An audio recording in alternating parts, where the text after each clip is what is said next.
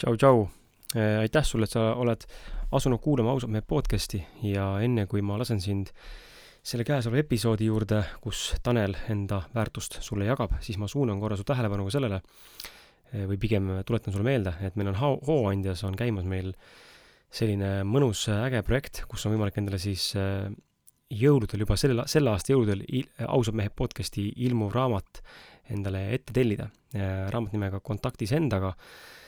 Äh, esimene osa on, on niisugune mõnus enesearengu tööriist, kus siis äh, löövad kaasa esimese aasta jooksul saates käinud külalised, mina ise ja, ja veel mõned inimesed, kes siis sellesse raamatusse oma mõtted on kokku koondanud. lisaks kõigele, et seal on olemas podcast'ide kokkuvõtted, kirjalikud kokkuvõtted, siis on seal ka väga paljude külaliste poolt spetsiaalselt raamatu jaoks kirjutatud mõtted või, või nii-öelda tekstid ja ta on sihuke, see raamat on selline inspireeriv, arendav, laiahaardeline ja, ja ma usun, et väga suure väärtuse äh, nii-öelda toomisega käsiraamat, mida siis saad sirvida täpselt nii, nagu tahad ja ja nii, nagu sulle meeldib, et et äh, valdkonnad ja teemad, millest me seal räägime või millest seal räägitakse, on nii nagu meie podcastiski. väga laiad ja väga erinevad, nii et repertuaar on selles mõttes lai.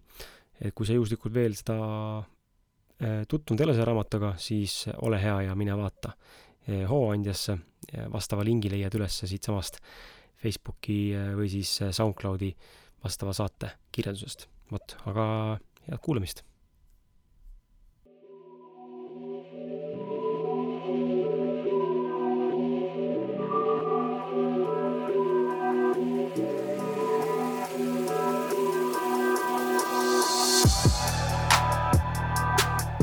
halloo, halloo, halloo, jõu, jõu, jõu, jõu ja tere tulemast äh, podcast'i Ausad mehed. minu nimi on Kris Kala ja sa kuulad äh, järjekordset äh, episoodi Ausad mehed repertuaarist.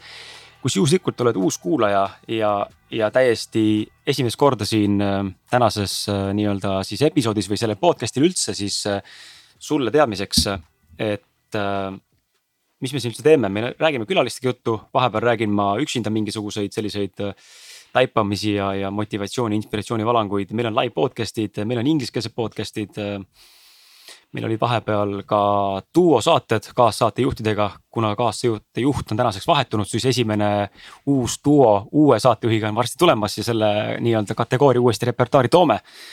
ja, ja täna on äh, vestlus jälle külalisega, aga enne kui me läheme külalise juurde, siis äh, nagu ikka, mul on kombeks siin äh, mõned asjad ette laduda sulle ja, ja mõningatest asjadest natuke rääkida ka ja seda ma ka teen. võtan mikri kätte ja loodan, et äh, ma sellega väga ei hävita äh, kvaliteeti ega sega sind siis kuulamisel, aga yeah. me oleme ühtlasi laivis praegu, nii et kõik, kes kodudes vaatavad, tšau, tšau, tšau, tšau. natuke juba on inimesed tulid vaatama siia, kaua me laivis oleme, ma ei tea ma pakun umbes pool tundi kuni nelikümmend viis minutit, mitte tervet episoodi ja, ja siis juba siis vaatame, kus edasi. aga mis ma tahan öelda, on, on tegelikult see, et äh, meil on tulnud välja ka Ants live, Ants Rootslase live podcast'i üritusest tuli välja treiler äh, siin, mis toimus esimene august ja see tuli välja paar nädalat tagasi või vähemalt nädal aega tagasi umbes. ja ma siinkohal tahaksin äh, suunata tähelepanu inimese nimega Kristo VD kes selle siis üles filmis ja tegelikult kokku monteeris, et Kristo on, on selles mõttes hästi andekas ja hästi kihvt poiss, kes oma igapäevases tegevuses siis tegeleb nii, nii videoteenuse kui ka fotograafia teenusega ja pildistab siis äh, pulmasid pigem ja filmibki pulmavideosid inimestele. aga samuti on valmis ta tegema portreesid ja muid asju ka, nii et kui on, kui sind see treiler nii-öelda kõnetab, mille sa leiad üles Youtube'ist minu enda Kris Kala kanali alt. siis äh, ole hea ja mine vaata, et äh, Kristo, Kristo on teinud seal oma, oma väeteo nii-öelda ja Antsu live äh,, Antsu live selles mõttes videofailina ma loodan, et tuleb äh, septembri jooksul ikkagi välja, et ta tuleb kolmes eraldi jupis. Äh, mul on natuke probleeme praegu selle kättesaamisega, failid on päris suured ja mingi tehniline error on siin. aga ma luban, et need tulevad Youtube kanalisse ka. ja ühtlasi on meil tulemas äh, ausad mehed live, live neli, kui sa veel ei ole kursis sellega, siis live podcast Vol neli, viisteist oktoober algusega kaheksateist null null ja selle, sellekordseks külalisteks on siis äh, toitumisterapeut Jaanika Tapver. kelle saade on tegelikult äh, top kaks kuulamistega meie ausad meeste podcast'is üle kaheksa tuhande kuulamise. Äh, ja tema kõrvale tuleb siis teda toetama nii-öelda treeneri vaatevinklist siis personaal MyFitnessi treener Lemmo Jaanus nii et tuleb huvitav vestlus ja me räägime puust ja punaseks toitumisest ja erinevatest müütidest. Ja, ja anname sulle võimalikult palju väärtust selle ühe õhtu jooksul. et sina saaksid liigutada ennast äh, iseenda parema versiooni suunas just läbi tervise ja, ja füüsilise aktiivsuse. nii et äh, kui sul piletit veel ei ole, siis mine vaata Fientasse ja, või siis meie ausad mehed Facebooki kaudu leiad samuti selle endale ülesse. ja lähme tänase saate juurde ka siis, et äh, täna mul, täna me vestleme siis äh, enda sihukeste teemade nagu enda juhtimine, tulemusteni jõudmine, asjade lõpuni viimine, enim levinud hirmud, mis meid tegelikult tagasi hoiavad, motivatsioon, töökus, järjepidevus. mina kui mees ehk siis enda hindamine ja rahulolu, müügi ja turund-, müügist ja turundusest räägime ja samuti räägime ka brändingust ja, ja üldse sellisest sotsiaalmeedia kontseptsioonist ja sotsiaalmeedias turundamisest ja pildis olemisest. ja täna on mul külas äh, Tanel Pajuri, kelle kohta mu sissejuhatust ei ole ikkagi tehtud, sest ma tundsin, et mul on vaja äh, lihtsam on, kui Tanel ise räägib, kes ta on, millega tegeleb. Äh, kui ma hakkasin kokku luuletama midagi ja, ja, ja siit selle tulemusena siis äh, see nii on lihtsalt. ja, ja ei cool siis ei ole ka kellelgi mingisugust äh,, ei saa olla eelaimdust, me saame kõik luua praegu hetkes ja koha peal äh,. nii palju teemasid ma tavaliselt võtan selleks kaks päeva, kui ma inimesi koolitan sellel teemal, ehk siis äh, hakkame otsast pihta, vaatame, kui palju me jõuame ära katta ja kui põhjalikult, võib-olla mingitesse asjadesse ma lähen põhjalikumalt sisse, sa saad Kris siis küsida ka, on ju. siia vahele ja nii edasi, aga, aga endast nii palju, et äh, ma ei tea, ma olen vist kogu aeg olnud või vähemalt üks suur osa oma elust olnud äh,, äh, olnud sedasi, et kõik asjad, mida ma täna teen või kõik asjad, mida ma täna äh, siis ette võtan, siis ma vaatan, kas seal oleks piisavalt arengut, sest ma usun seda, et areng on üks sellistest äh, olulisemat elementidest just selle koha pealt, et kui me vaatame, Tony Robbins tõmbab hästi lahti ju selle ka, et mis on need basic asjad, mida me vajame selleks, et tunda rahulolu, tunda õnnetunnet ja üks asjadest, mida inimesed, enamik inimesi siis nii-öelda skip ivad või nad ühesõnaga ei tee seda, on see, et nende töö või nende tegemised ei anna neile siis arengut. ehk siis iga asi, kui sa lähed alguses klienditeenindajad ka, kui nad lähevad alguses esimesed kaks nädalat, see on nii põnev, see on nii huvitav, siis nad näevad, et seal arengut ei ole, siis tekib mingisugune platoo.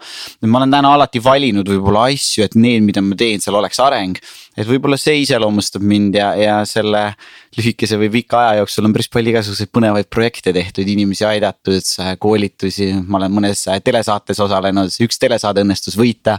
ja siis äh, nii on see elu läinud ja, ja, ja viimased äh,, viimased kolm aastat vist on stabiilselt olnud ka sedasi, et vähemalt nüüd noh, enne koroonat siis äh, oli ikkagi, et üks kuu, üks riik ja, ja hästi palju, üks jah, üks kolmkümmend viis reisi, üks kolme aastaga sai tehtud ja hästi palju endasse investeeritud, nii et. põnev on olnud ja, ja tundub, et alles hakkab midagi välja kooruma tundub äh, päris sürr loetelu selles mõttes, et, et äh, kolmkümmend viis äh, reisi nii-öelda siis kolme aasta jooksul ja. jaa, see oli päris ju. korralik tamp ja kuidagi noh, eks ma balansseerisin, üks osa oli selles mõttes selliseid koolitusreise ja üks osa oli selliseid, mis olid siis ka äh,. ma läksin puhkama, võtsin aega enda jaoks ja nii edasi. et äh, ei tea, tol hetkel ei tundunud maratonina või tollel hetkel tundus, et see on nagu mõnus tempo, ma naudin aga hakkame rullima kuskilt pihta, et, et anda inimestele aimu nagu, kes sa oled, et yeah. hüppame sinna mis iganes äh, perioodi sa soovid, hakkame kuskilt tulema niimoodi mm. verstapostidena või nii-öelda milstone idena, mis on need suuremad sündmused olnud, mis on sinu elu täna mõjutanud ja mis mm -hmm. on toonud sind siia, kus sa tegelikult täna oled jaa, päris huvitav, kui ma olin äh, koolis ja, ja põhikool ja, ja enne gümnaasiumit, siis ma mõtlesin, et kelleks saada. ja, ja kuna mul oli selline maailmavaade või keegi ei olnud mulle suuremat pilti maalinud, siis äh, mul oli umbes seitse töökohta, mille vahel valida, ma ei teadnud, et on võimalik saada äh, muud mu,, ma ei teadnud, et muid ametikohtasid eksisteerib kui politseinik, kiirabi, tuletõrjuja, kokk äh,, koristaja, võib-olla mingid asjad veel. ja siis ma mõtlesin, et täitsa pekkis, et kui meil on seitse, kaheksa, üheksa valikut või midagi sellist, et noh, et midagi ma pean ju valima ja siis ma mõtlesin, mis mulle võiks kõige rohkem meeldida. ja siis ma üks peaaegu vist seitse aastat uskusin seda, et kokk on see, kes must saab ja kes mul on, et seal on enam-vähem palk, võib-olla parem kui kuskil poemüüjal.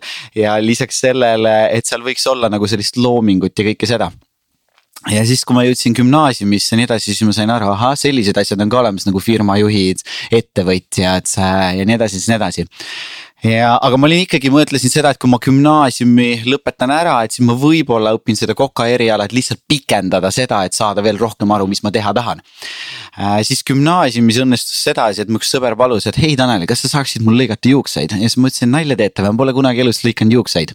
aga ta õnnestus mind ära rääkida, nii et pikk lugu lühikeseks äh,, kui ma olin üheteistkümnendasse klassi minemas, siis üks osa mu gümnaasiumi õpilastest käisid mu vanaema juures vannis ja siis ma lõikasin neil juukseid, sest see vist hakkas välja tulema. ja siis ma mõtlesin, okei okay,, cool, kui ma teen gümnaasiumi ära, siis ma õpin poolteist aastat juuksuriks ja siis ma vaatan, mida ma teha tahan ja siis ma kandideerisin, lõpetasin gümnaasiumi ära, kandideerisin juuksurikooli, mind võeti vastu küll, aga ainult tasulisele kohale. Nende siis motiiv oli see, et kui nad annavad tasuta koha, ju mul hakkab igav, sest mul oli päris kõva portfoolio mm. -hmm. aga kui ma maksan, ju siis mul on motiivi käia, aga see oli nendest tark tegu, sest nad arvasid, et ma ei tule, ma ei tulnud siia, ma ei läinud ja ma läksin ühe meistri käe alla ja ma õppisin siis puuduolevad omadused ühe meistri käe all ja must sai siis juuksur ja siis hakkas nagu action pihta, sest siis ma sain aru, et oh-oh et kõik see tore kooli sotsiaalne võrgustik, igaüks on läinud oma rada. ma olen kuidagi üksi, sest ma olen ainuke, kes pole kooli läinud. Äh, ma tahaksin midagi teha, mis kindlustaks mu tulevikku rahaliselt. ma tahaks midagi teha, kus töös on suhtlust ja sotsiaalsust. ja ma tahaksin nii teha, et ma saan aidata teisi inimesi ja siis ma arvan nüüd üks viimased pärast gümnaasiumit viis, kuus, seitse aastat jälle nihuke tsükkel, kuidas öeldakse ka, et seitsme aasta tagant on mingi tsüklid. Äh, ma arvan, ma olengi teinud tööd suuresti väga kõvasti endaga ja, ja teinud lausa nii tööd, et ma olen äh, nõus olnud võtma võlgu selleks, et minna Norrasse koolitusele ja magama kuskil Norra lennujaamas ülikonnaga põrandal ja. ja, ja, ja ma olen nagu sellise päris põhjaliku äh, võib-olla töö tegemise endaga teinud ja, ja võib-olla nüüd on alles mingisugused mu enda jaoks jaoks, noh, teised on võib-olla varem mingeid asju hinnanud, aga mu enda jaoks nüüd ma tunnen, et on mingisugused suunad äh, paika loksunud, et ma selles olen hea või ma selles saan aidata või, või see on mu äh, mingisugune tugevus, milles ma saan väärtust luua et äh, võib-olla see on niukene äh, väikene lahtirullimine siiani kokast, kokast rääkides, siis ega paljud inimesed tegelikult, tähendab, mul puudub kogemus kokana mm -hmm. töötades, aga nii palju, kui ma olen nagu näinud ja, ja erinevate kokkadega rääkinud, kes on siin ümberringi vahepeal olnud, siis tegelikult inimestel on see visioon, et ma lähen ja olen seal see main chef on ju ja yeah. peakokk, aga tegelikult see on väga intensiivne töö yeah,. Yeah. mitte ainult füüsiliselt, vaid nagu mental nagu just nagu see närvipinge on ja stress on tegelikult teinekord päris suur ja, ma ei alahinda seda kuidagi ja, ja ma arvan, et see on ükskõik, mis ametit sa teed, noh, selles mõttes. sul on ju alati valik, sa ei pea töötama kuskil äh, väikses toitlustuskohas, sul on võimalik teha karjääri ja lõppkokkuvõttes on see sport või on see karjäär, siis. kui sa ikkagi tahad tipptasemel midagi teha, siis on väga palju mindset'i endaga töö ja nii edasi ja, ja ma usun, seal samamoodi on need väljundid olemas. Äh, selleks, kui äh, tahad teha seal kõva karjääri ja, ja seal oma, omamoodi endaga see töö tegemine, aga tol hetkel ma isegi ei teadnud, et on olemas peakokk, ma teadsin, et on kokk lihtsalt. Et see on kõik. see, ei no see on ikka haige, paneb mõtlema nagu selles mõttes, et äh, alati on nagu äge kuulata inimeste lugusid, sest et need on nagu nii värvikad ja, ja nii nagu mingil määral nagu hüppelised, mis näitabki seda tegelikult me väga palju elus tegelikult kogeme, proovime, enne kui me jõuame mingisuguse kindla platoo või nagu noh, oma mingi nii-öelda nagu standardi või asja juurde, mis me teha tahame. oma tee juurde aga teistpidi on alati olemas ka neid inimesi, kes ähm, koheselt satuvad mingisuguse asja otsa ja nüüd äh, kas siis vanemate peale nii-öelda sundimisel või siis suunamisel. Äh, ja jäävadki selle juurde ja jõuavadki edukaks on ju, et mis sa sellest arvad, mis, mis, kust nagu see tuleb, et ühed nagu peavad läbima mingisugused kadalipud, et aru saada, kes ma tegelikult olen. ja teistel on see justkui nagu väga lihtne lihtsalt niimoodi, et, et ongi nagu kandikul või teistpidi ette söödetud ja see resoneerub ja jäävadki sinna ma arvan, hästi suur eelis on sellele, et kes on äh, need eeskujud äh,. ma olen alati kasvatatud ema ja vanaema poolt ja, ja mul on isa poolt sellist ärilist ettevõtlust, aga kuna ma seda eeskuju noorena ei näinud, siis mul võttis äh, viis või kuus või seitse aastat rohkem, et saada aru, et see on tegelikult üks mu väga suur külg minust või osa minust mm,. ma olen emalt saanud väga palju sotsiaalselt poolt, ehk siis meil on sealt põlvi ja põlvkondasid õpetajaid. ehk siis sellest ma sain rutem aru ja, ja see võib-olla rullus rutem lahti ja, ja samamoodi ka seal ma nägin ära neid asju, et mis on võib-olla ühe õpetaja töö juures need miinuspooled on ju, et. et võib-olla seal need rahalised raskused teinekord ja, ja nendega ma hakkasin kohe tööle, kui ma olin kuusteist, seitseteist, kaheksateist, et ma. mulle meeldib see suund, aga, aga ma ei taha olla rahalistes raskustes, ma ei taha seda pinget, ma ei taha seda, et ma pean valima äh, mingite asjade vahel, ma tahan äh, nagu. ühesõnaga seal siis seda külluslikkust ja täiuslikkust enda jaoks äh, saada, mis iganes ma tahan saada. aga, aga võib-olla see on üks asi asjadest või mis ma olen nagu näinud, on see, et need eeskujud, et ähm, kui sa ikkagi oled, ma, ma olen nagu heas mõttes kade neile, kes on võib-olla selles vanuses, et nad on kümme, üksteist, kaksteist, kolmteist, neliteist ja neil on vanemad, kes on siis äh, ettevõtjad või, või siis äh, sellised äh, edukad äh, oma elu tegemistega. siis sealt on nagu väga palju hakkab duplikeeruma, ma näen seda ka ju koolinoorte pealt, et, et kes tuleb, kellel on särk püksist väljas, soeng sassis ja tossu paelad lahti ja see, kellel on, kõik on nagu viks-viisakas, et ma arvan, see duplikeerumine ja mingisugused suured õppetunnid, sa nagu selle võrra saad vahele jätta, sest sa õpid need lapsena ära võib-olla siis noh, kopeerid nii-öelda vanemate pealt, et see on üks asjadest teistpidi ma usun jällegi seda, et seda lihtsalt on ajalugu näidanud, et täna mingisugused inimesed, kes on maailma mõttes The Oprah ja äh, Tony Robbins äh,, nii edasi, siis nii edasi, Eminem, nii edasi, et. et, äh, et teinekord see lugu ja see kadalipp, kus sa pead siis läbi käima, võib, võib anda selles mõttes jällegi veel suurema lennu. et võib-olla jällegi ka see, et sul on hea pere ja hea perekond, kust sa tuled, see pälvib sulle hea keskklassis koha ja mugavuse. ja võib-olla sa, sul ei ole seal nii palju väljakutseid ja tänu sellele väljakutsetele selles, aga võib-olla ei võta mingisuguseid selliseid samme või ei ole ka sellist iha, et, et saavutada midagi väga suurt, et, et teistpidi ma arvan, et on ka äh, õnnistatud neid, kellel on väga suured väljakutsed, kuna need need ära lahendavad ja eks see on siis meie enda asi, kes neid lahendusi äh, tahab ette võtta ja kes mitte või kes, kes tahab üldse minna sinna sisse, on ju, et. okei okay,, miks mul kogu aeg on probleemid sellega, miks ma komistan kogu aeg siin, on ju, et. et see elu tahab midagi õpetada, kas sa tahad õppida või mitte, on ju ja tihtipeale selle õppimise juures on ka see, et ähm, just nimelt see komistus ja need äh, teekonna nagu läbimine, et. Ähm, mulle väga meeldis, kuidas ühes, äh, ühes saates üks külaline nagu suunas nagu tähelepanu sellele, et, et ei ole vaja nagu otsida, milline on see õige märk, milline on see õi, vale märk, kõik on märgid. ja siis küsimus on, kuidas sina täna seda tõlgendad mm, -hmm. see, kuidas sina täna seda tõlgendad, ei tähenda, et see märk tegelikult yeah. saab õigesti tõlgendatud yeah.. et meile, mulle endale tundub ka äh, teinekord, kui mingeid, mingeid asju näed, mingeid märke näed, siis ma ei tea, noh a la, et umbes, et ma ei tea, tahtsime siin kell üks minna laivi esialgu on ju ja nüüd otsustasime, et lähme hoopis kolmteist kakskümmend viis lõpuks on ju, et aga kui kell üks oleks otsustanud, et näed, et äh, ikkagi ei ole valmis, et see on märk, et ei pea minema, siis ei lähegi, noh. ma ei tea, et see päris ei oleks olnud see märk vist, et äh, mm., et selles mõttes hästi huvitav näha, kuidas me inimestena ise paneme mingisugused äh, konkreetsed tähendused ja teinekord ka nagu ületähendused, ületähtsustades mingit, mingit mm. nagu asja. ja siis sinna kinni takerdudes meil, meil tekivadki mingisugused sellised nagu noh, platood või mingisugused keerdkäigud mm. -hmm. ja siis me nagu kohati nagu tunneme ise inimestena, tahamegi olla selles nagu kannatuse ja nii-öelda selle, selle victim ehk ohvri mentaliteedis, sest et nii mõnus on ju äh, näidata näpuga, et näed, mul ikka ei ole antud ja mul ikka raske ja ikka mul ainult, minul ainult juht-, mul juhtub kogu aeg niimoodi, et teistel ei juhtu. ja, ja, ja, ja seda on kurb näha ka selles mõttes, kui äh, inimesed võtavadki selle, nagu sa ütlesid ka, on ju endale usuks ja, ja ketravad sedasama plaati terve elu. mul ei lähe vist iiani meelest ära, kui ma elasin äh, ühikas pärast vahetult veidi enda gümnaasiumi, sest et äh, see oli ainukene asi, kus ma suutsin rahaliselt elada. ja siis ma suutsin isegi ühikas jääda enda üüri kaks või kolm kuud võlgu, nii et see kõik, mis mu raha oli, see läks enesearengusse ühikas oli palju vähem tähtsam, aga igastahes ma sõitsin alla sealt kogu aeg, ähm, no mis sõitsin jah, sõitsin kogu aeg alla sealt liftiga ja sinna lifti sattus väga tihti siis koristaja.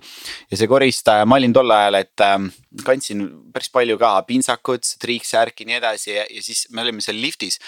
ja siis äh, sõidame liftiga alla ja siis see koristaja vaatab mulle otsa ja siis keerab pea maha ja ütleb, jah, ega kõigil ei ole ikkagi äh, lihtne lapsepõlv ja seda plaati lihtsalt ketrab, ma arvan, selle paari aasta jooksul, mis ma seal elasin, ma sain seda paarkümmend korda kuulda. et kahju, kui sa võtad sellise plaadi endale, et ma täna usun seda, et me saame valida, mis CD-sid me tahame peale panna, et näed, et siin on hea CD, pane see peale. et ähm, kui me saaksime lindistada seda, mida me kakskümmend neli tundi mõtleme, siis me saaks aru, kui palju me endast kriitiliselt endaga räägime. ma arvan, me, me kõik saaks aru, miks me oleme elus võib-olla, kes on sellel hetkel võib-olla mingisuguses olukorras, et asjad ei lähe või et ma ei ole veel mingit edu edu saavutanud, kui sa saaks lindistada seda, mis sul toimub kakskümmend neli tundi, kui palju sa endaga halba räägid, kui palju sa ennast maha tõmbad, kui palju sa neid hirme ketrad. siis sa saaks aru, miks sa oled seal. et, et mulle meeldib see mõte, et me saame, meil on erinevaid CD-sid me saame neid peale panna, et, et otsustada ise, mis plaat mängib, muidugi see ei ole lihtne. eks me arvatavasti võtame seda ka võib-olla siin teemaks äh, mingisugustes punktides võib-olla läheme rohkem sisse. aga, aga see valik vähemalt on olemas, on ju ja see on nagu huvitav, huvitav kontseptsioon, kuhu me tuleme kohe tagasi, aga ähm, mis mind panebki nagu mõtlema, on, äh, panebki nagu mõtlema just see, et äh, see, see kogu see mindset'i teema ja, ja just sellelt tulenevalt, et äh,. mik-, kuidas me nagu, ma toon ühe näite siia mm, -hmm. tekkis äh, äh, paar päeva tagasi üks sihuke huvitav nagu mõte, et äh, et oletame, meil on see Red Bull siin on ju mm, -hmm. ma täna ilmselt seda joon, ma olen, ma tunnen, see on minu üks äh, lugudest on see, et ma olen äh, suhkrujookidest äh, sõna otseses mõttes sõltuvuses, mulle lihtsalt meeldib juua neid. ja, ja siis ma hakkasin mõtlema, et aga kuskil ma nägin ja lugesin mingi, mingi vend kirjutas seal hästi pikalt detailselt, kuidas siis seda maailmas nagu mingisuguseid uskumusi ja asju nagu enda jaoks nagu tõlgendada mm. -hmm. ja, ja selle nagu läheb kvantfüüsikasse veits, aga ma teen hästi nagu lihtsakoeliselt, et põhimõtteliselt siis äh, ta väitis, et kui ma suudan selle mõelda, selle halva, mõelda enda jaoks nagu päriselt usutavalt heaks niimoodi, et ma päriselt joon seda või, või söön midagi või teen midagi hävitavat endaga. Eh, mis justkui nagu on teaduslikult tõestatud, et see on keha hävitav ja laastav mm. -hmm. siis tegelikult mulle see ei mõju, sest minu mõistus on sellest nii-öelda üle, on ju, mind over matter nii-öelda on ju, et. Eh, kui palju sa oled tegelikult eh, ise sellega kokku puutunud ja, ja mida sa oskad võib-olla inimestele soovitada.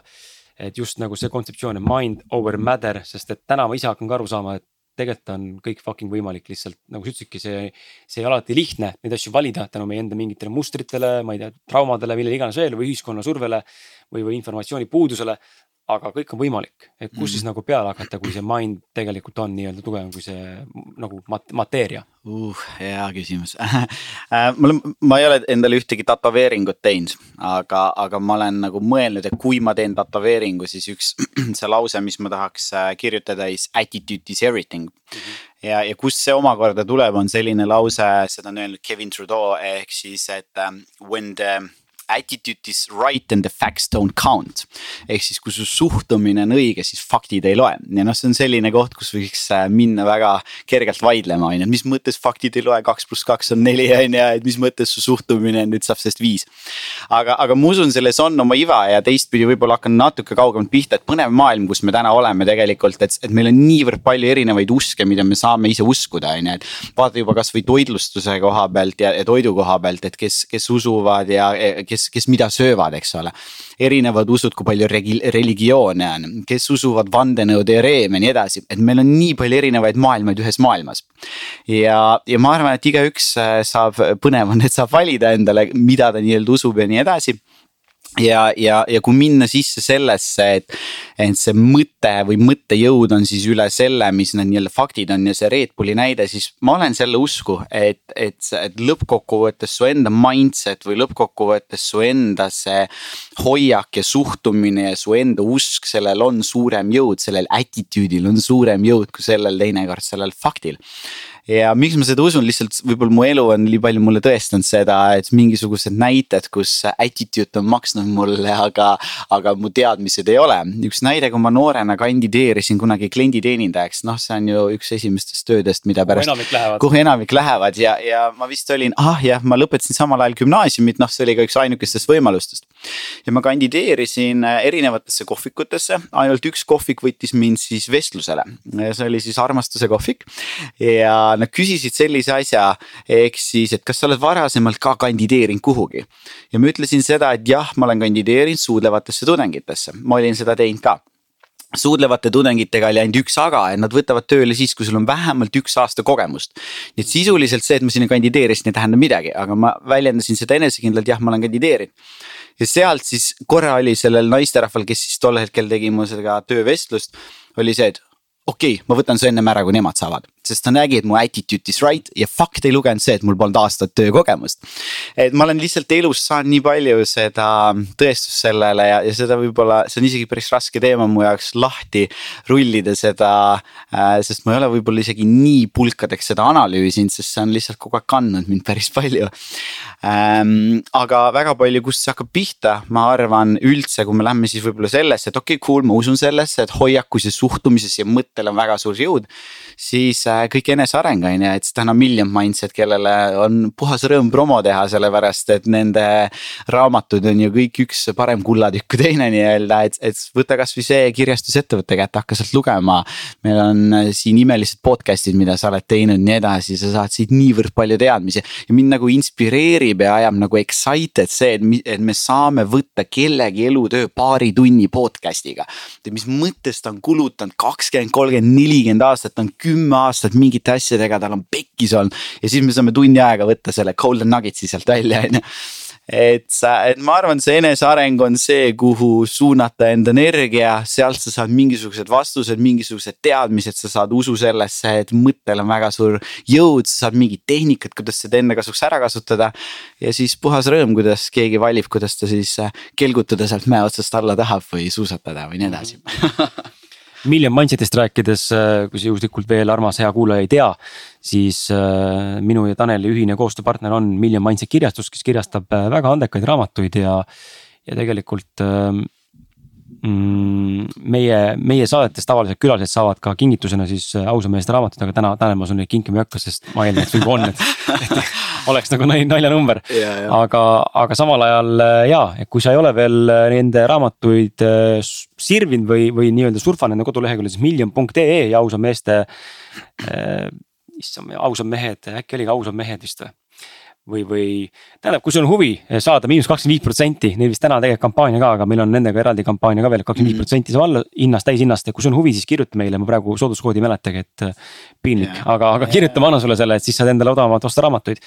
ja ühtlasi äh, väike reklaam ka spontaansesse vahele, et äh, ausad mehed podcast'il on tulemas välja raamat, kui sa veel ei teadnud seda, siis äh, see on sulle nüüd uudiseks, et see raamat ilmub talvel kõikide eelduste kohaselt, täna me teeme kõvasti tööd selle nimel, et see juhtuks ja oleme lähedal sellele, et äh, tuleme sellega lõpuks välja, nii et äh, kui sul on huvi, siis hoia silmad-kõrvad lahti, me tuleme välja hooandja projektiga esialgu ja olene, olenemata hooandja projektist tuleb see raamat nagunii, et mm, äh, lihtsalt vaatame, kuidas inimesed tahavad vastu võtta hooandja projekti ja sealt saadavad nii-öelda siis kingitusi ja auhindu, mis lisaks raamatule no kaasnevad. Mm. ja sina lähed ka raamatusse, aga teise, ehk siis meid hakkab iga aasta ilmuma nice. praegu tuleb esimene, järgmine aasta me teeme selle aasta külaliste pealt uue raamatu, kus oled sina sees. nii et yes. äh, jaa, vot sihuke info, aga tuleme korra selle juurde tagasi ka, mul tuli meelde see see mõte ka, inimestel meeldib rääkida enda lugusid ja nii kinni hoida mingitest asjadest ja lõpuks me olemegi nagu nii kinni selles loos ja mingisuguses loodud perspektiivis, et äh,. see on nagu nii huvitav selle koha pealt just, et ma ükspäev märkasin elukaaslasega rääkisin ja taipasin nagu enda kogemuse pealt ja siis ka nagu teiste inimeste kogemuse pealt, et üks asi on selge, on see, et inim-, kui me saame kokku inimestena no võib-olla intelligentsemad inimesed teevad seda vähem, aga ütleme, kui me saame kokku mingisuguse massiga a la, ma toon näite a la kooli kokkutulek, on ju, mhm. see on raudpolt üks hea näide. tullakse kokku ja mis seal juhtub, juhtub, esimene asi juhtub see, et kõik tahavad rääkida ainult iseendast, on ju, mhm. kedagi tegelikult ei koti, kuidas sul täna läheb mm.. tšau Tanel, pole ammu näinud, kuidas sul läheb mm., aa okei okay., aga tead, mul on ikka kolm last ja mul on kaks autot ja ma olen elanud seal ja käisin reisil ja ehk inimesed tahavad rääkida end iseendast ja teiseks, mis ma näen enda pealt samamoodi, eh, mis, mis tuleb hakata nagu õppima teadlikult seda asja nagu lahendama ja sellele nagu tähelepanu suunama. on see, et inimestele meeldib rääkida enda puudujääkidest mm..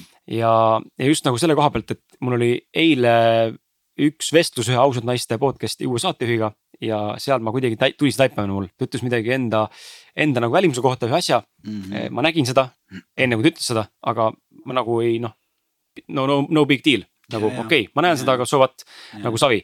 ja nii kui selle tähelepanu suunas, hakkas see nii-öelda mind häirima. nagu mitte häirima, aga mitte negatiivses mõttes, aga ma nagu hakkasin nüüd seda rohkem nagu endale teadvustama, et ahaa, aga ongi ju niimoodi mm.. ehk siis ma nägin seda, et inimestel ongi mingid kompleksid ja enda mingisugused tugevad äh, alaväärsuse asjad nagu välja arenenud. ja nad räägivadki pigem alati avameelselt sellest, mis on neil puudujääk äh, kui sellest, mis on hästi jah, seal on teine grupp on inimesi, kes tahavadki hoobelda on ju, kiidelda, et ma olen ikka sihuke vend ja too vend. aga pigem me alati räägime sellest, et noh, et ah tead jah, ma olen ka, ma olen sihuke peenik vend, trenni väga ei tee, vaata ja kuidagi ei õnnestu ja vaata kehal ei tõuse ka ja siis mõni räägib, et mul on siin, ma ei tea, hambavahe ja kolmas räägib, et mul on siin.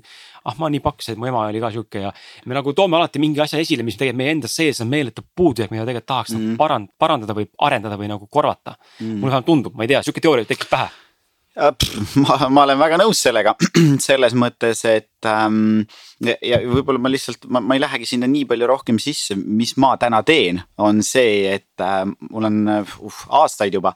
iga hommiku ma ärkan üles, vaata hommikul ja õhtul sul on ju kõige vähem neid filtreid peal, sa oled siis heas mõttes kas uinumaas või ärkamaas ja sul ei ole veel nii palju filtreid peal ja siis on hea programmeerida ennast, sest see läheb väga tugevalt sisse ja see läheb kergemalt nii-öelda sisse.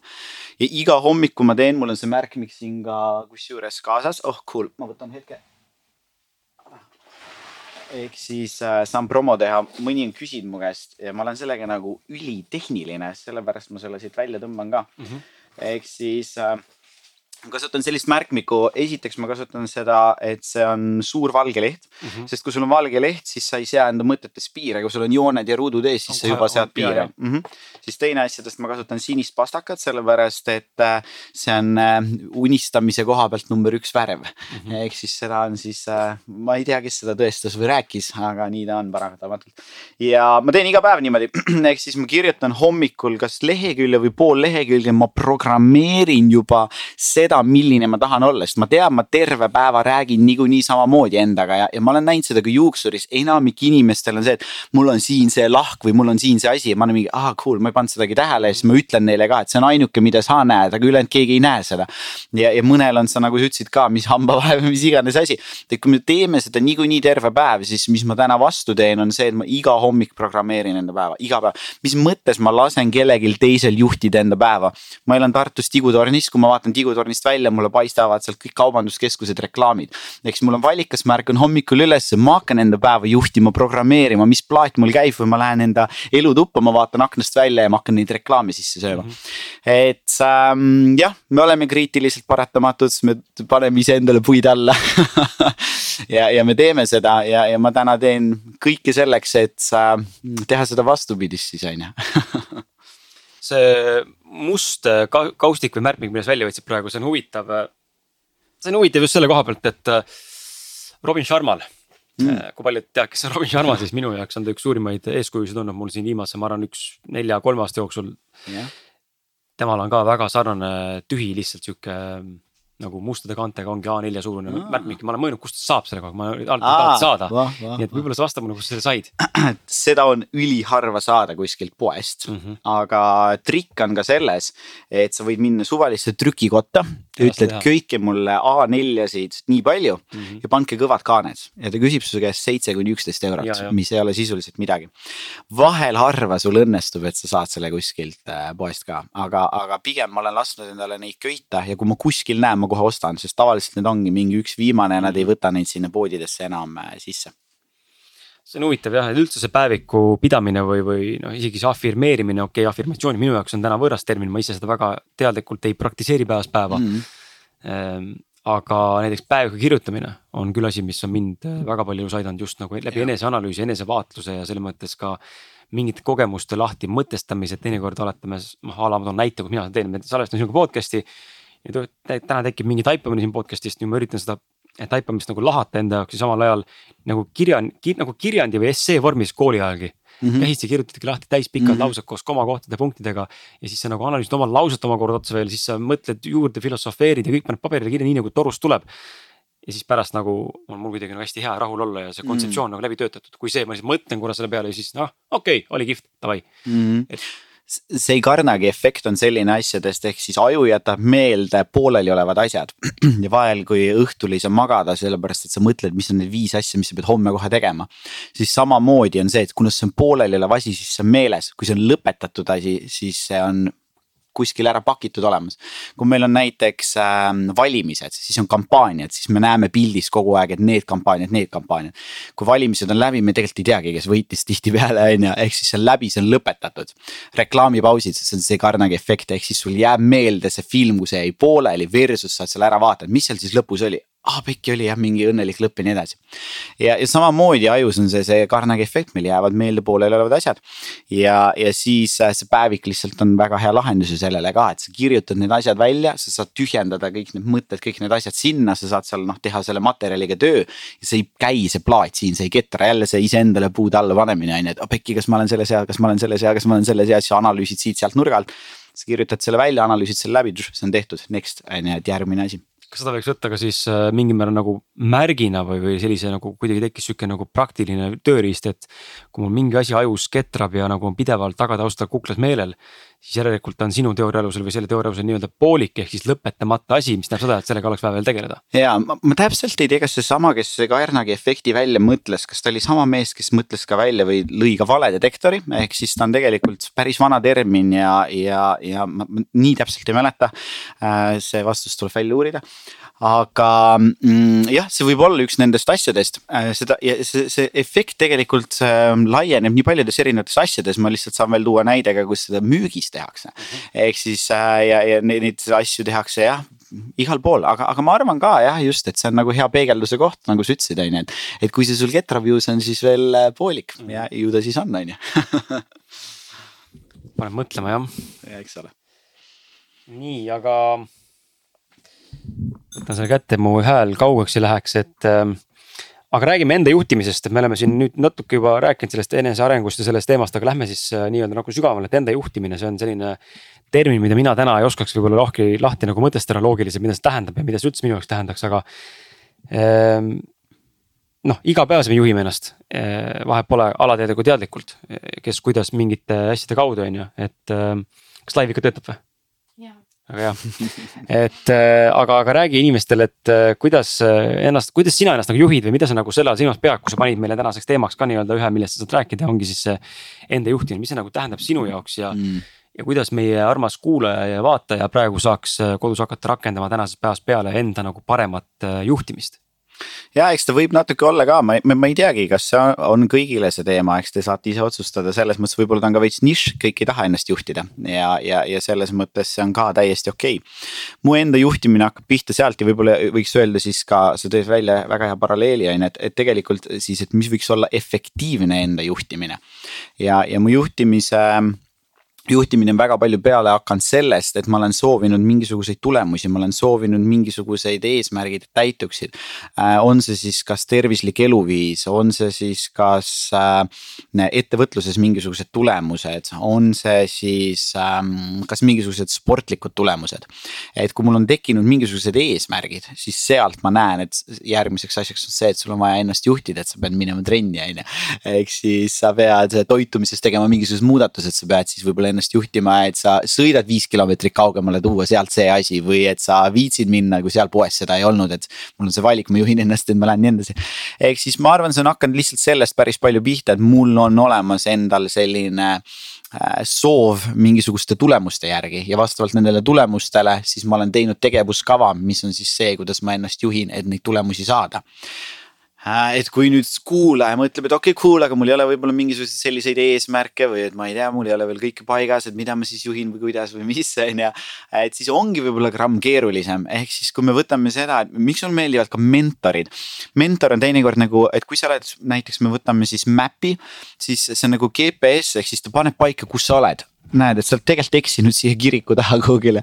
ja siis ta paneb paika, et sa tahad siia jõuda, näed, see tee on siit paremale, siit vasakule ja nii edasi. Ja siis me hakkame rääkima võib-olla enda juhtimisest ja nendest strateegiatest.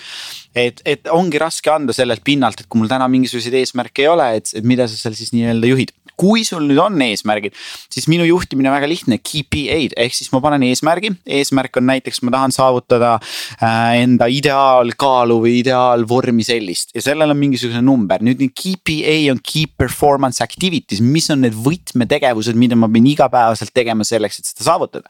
Cool, üks asjadest käime trennis, üks asjadest äh, jälgime toitumist, üks asjadest võib-olla, ma ei tea äh,, mitte tarvitama alkoholi, noh näiteks kolm asja. ja nüüd need KPA-d on need, mida ma siis panen enda päeva sisse, ma pean tegema check, check, check, check, check, check neid kolm asja, neid kolm asja, neid kolm asja. ja, ja, ja seal kuidas ma seda siis juhin, on see, ehk siis kas õhtul või jälle samamoodi hommikul ma toon need välja endale, ehk siis need on need kolm asja, mis ma pean tegema. mul on telefonis reminder eid, mul on peaaegu kella üheteistkümnest kella viieni iga tund on meeldetuletus. ja meeldetuletus on see, et ma olen maailma kõige õnnelikum inimene. ma olen alati ettevõtlik, äh, ma kasutan enda potentsiaali. Äh, ma veedan aega koos ainult nende inimestega, kes on parimad mu arenguks, ehk siis äh, need on võib-olla niuksed väiksed tipid, hommikul, õhtul juhtida, panna need reminder eid ja, ja, ja võib-olla panna paika need KPI-d, miks inimesed miks, miks üheksakümmend protsenti inimestest ei saavuta seda, mida nad tahavad, sest nad ei tea, mida nad tahavad. ehk siis äh, ma saaks praegu rääkida ainult kümne protsendiga et sest, et tegelikkuses on üks väike osa, kindlasti siin podcast'is on rohkem neid on ju teadlikke inimesi, kes teavad, mis nad tahavad.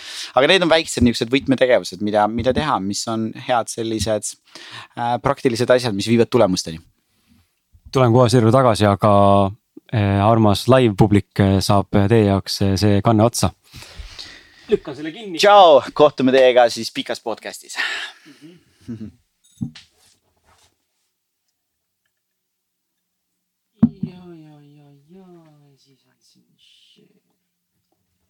palju inimesi vaatas üldse? kakskümmend umbes, tiksus sisse-välja.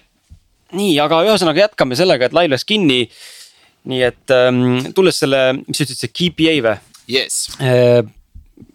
oled kuulnud sellisest mehest nagu Andy Frisella ähm,? vot nimesid mult ei tohi küsida, nägusid võib näidata äh, Andy Frisella, kus mul see telefon siit, mis on seal äh,? kõigi telefonis lindistab. tal on kaks podcast'i, Motherfucking CEO ja Real as fuck oled kuulnud, ei ole? ma, ma arvan, ma olen kuulnud sellest motherfucking CEO, see kõlab okay. tuttavalt, ma arvan, ma olen kuulnud sellest, äkki see on Youtube'is ka neil üleval või, või ei ole või? mingis mahus vahepeal tegid, aga nad on iTunesis ja mujal nagu vist on äh, number one business nagu. olnud juba aastaid. seda, ma olen näinud seda mingit lõiku, nad on lõikanud sinna mm -hmm. Youtube'i äkki mingisuguseid lõike välja mm -hmm.. sihuke habemes musta, musta karju häälega. just, vot tean ja tema, temal on selline asi nagu powerlist mis on väga sarnane just. sellele KPI-le, väga sarnane, just, et sa võtadki nagu, et kui see to do list on selles mõttes nagu täiesti ogar on ju, et sul on seal nelikümmend asja lõpuks kuhjunud on ju.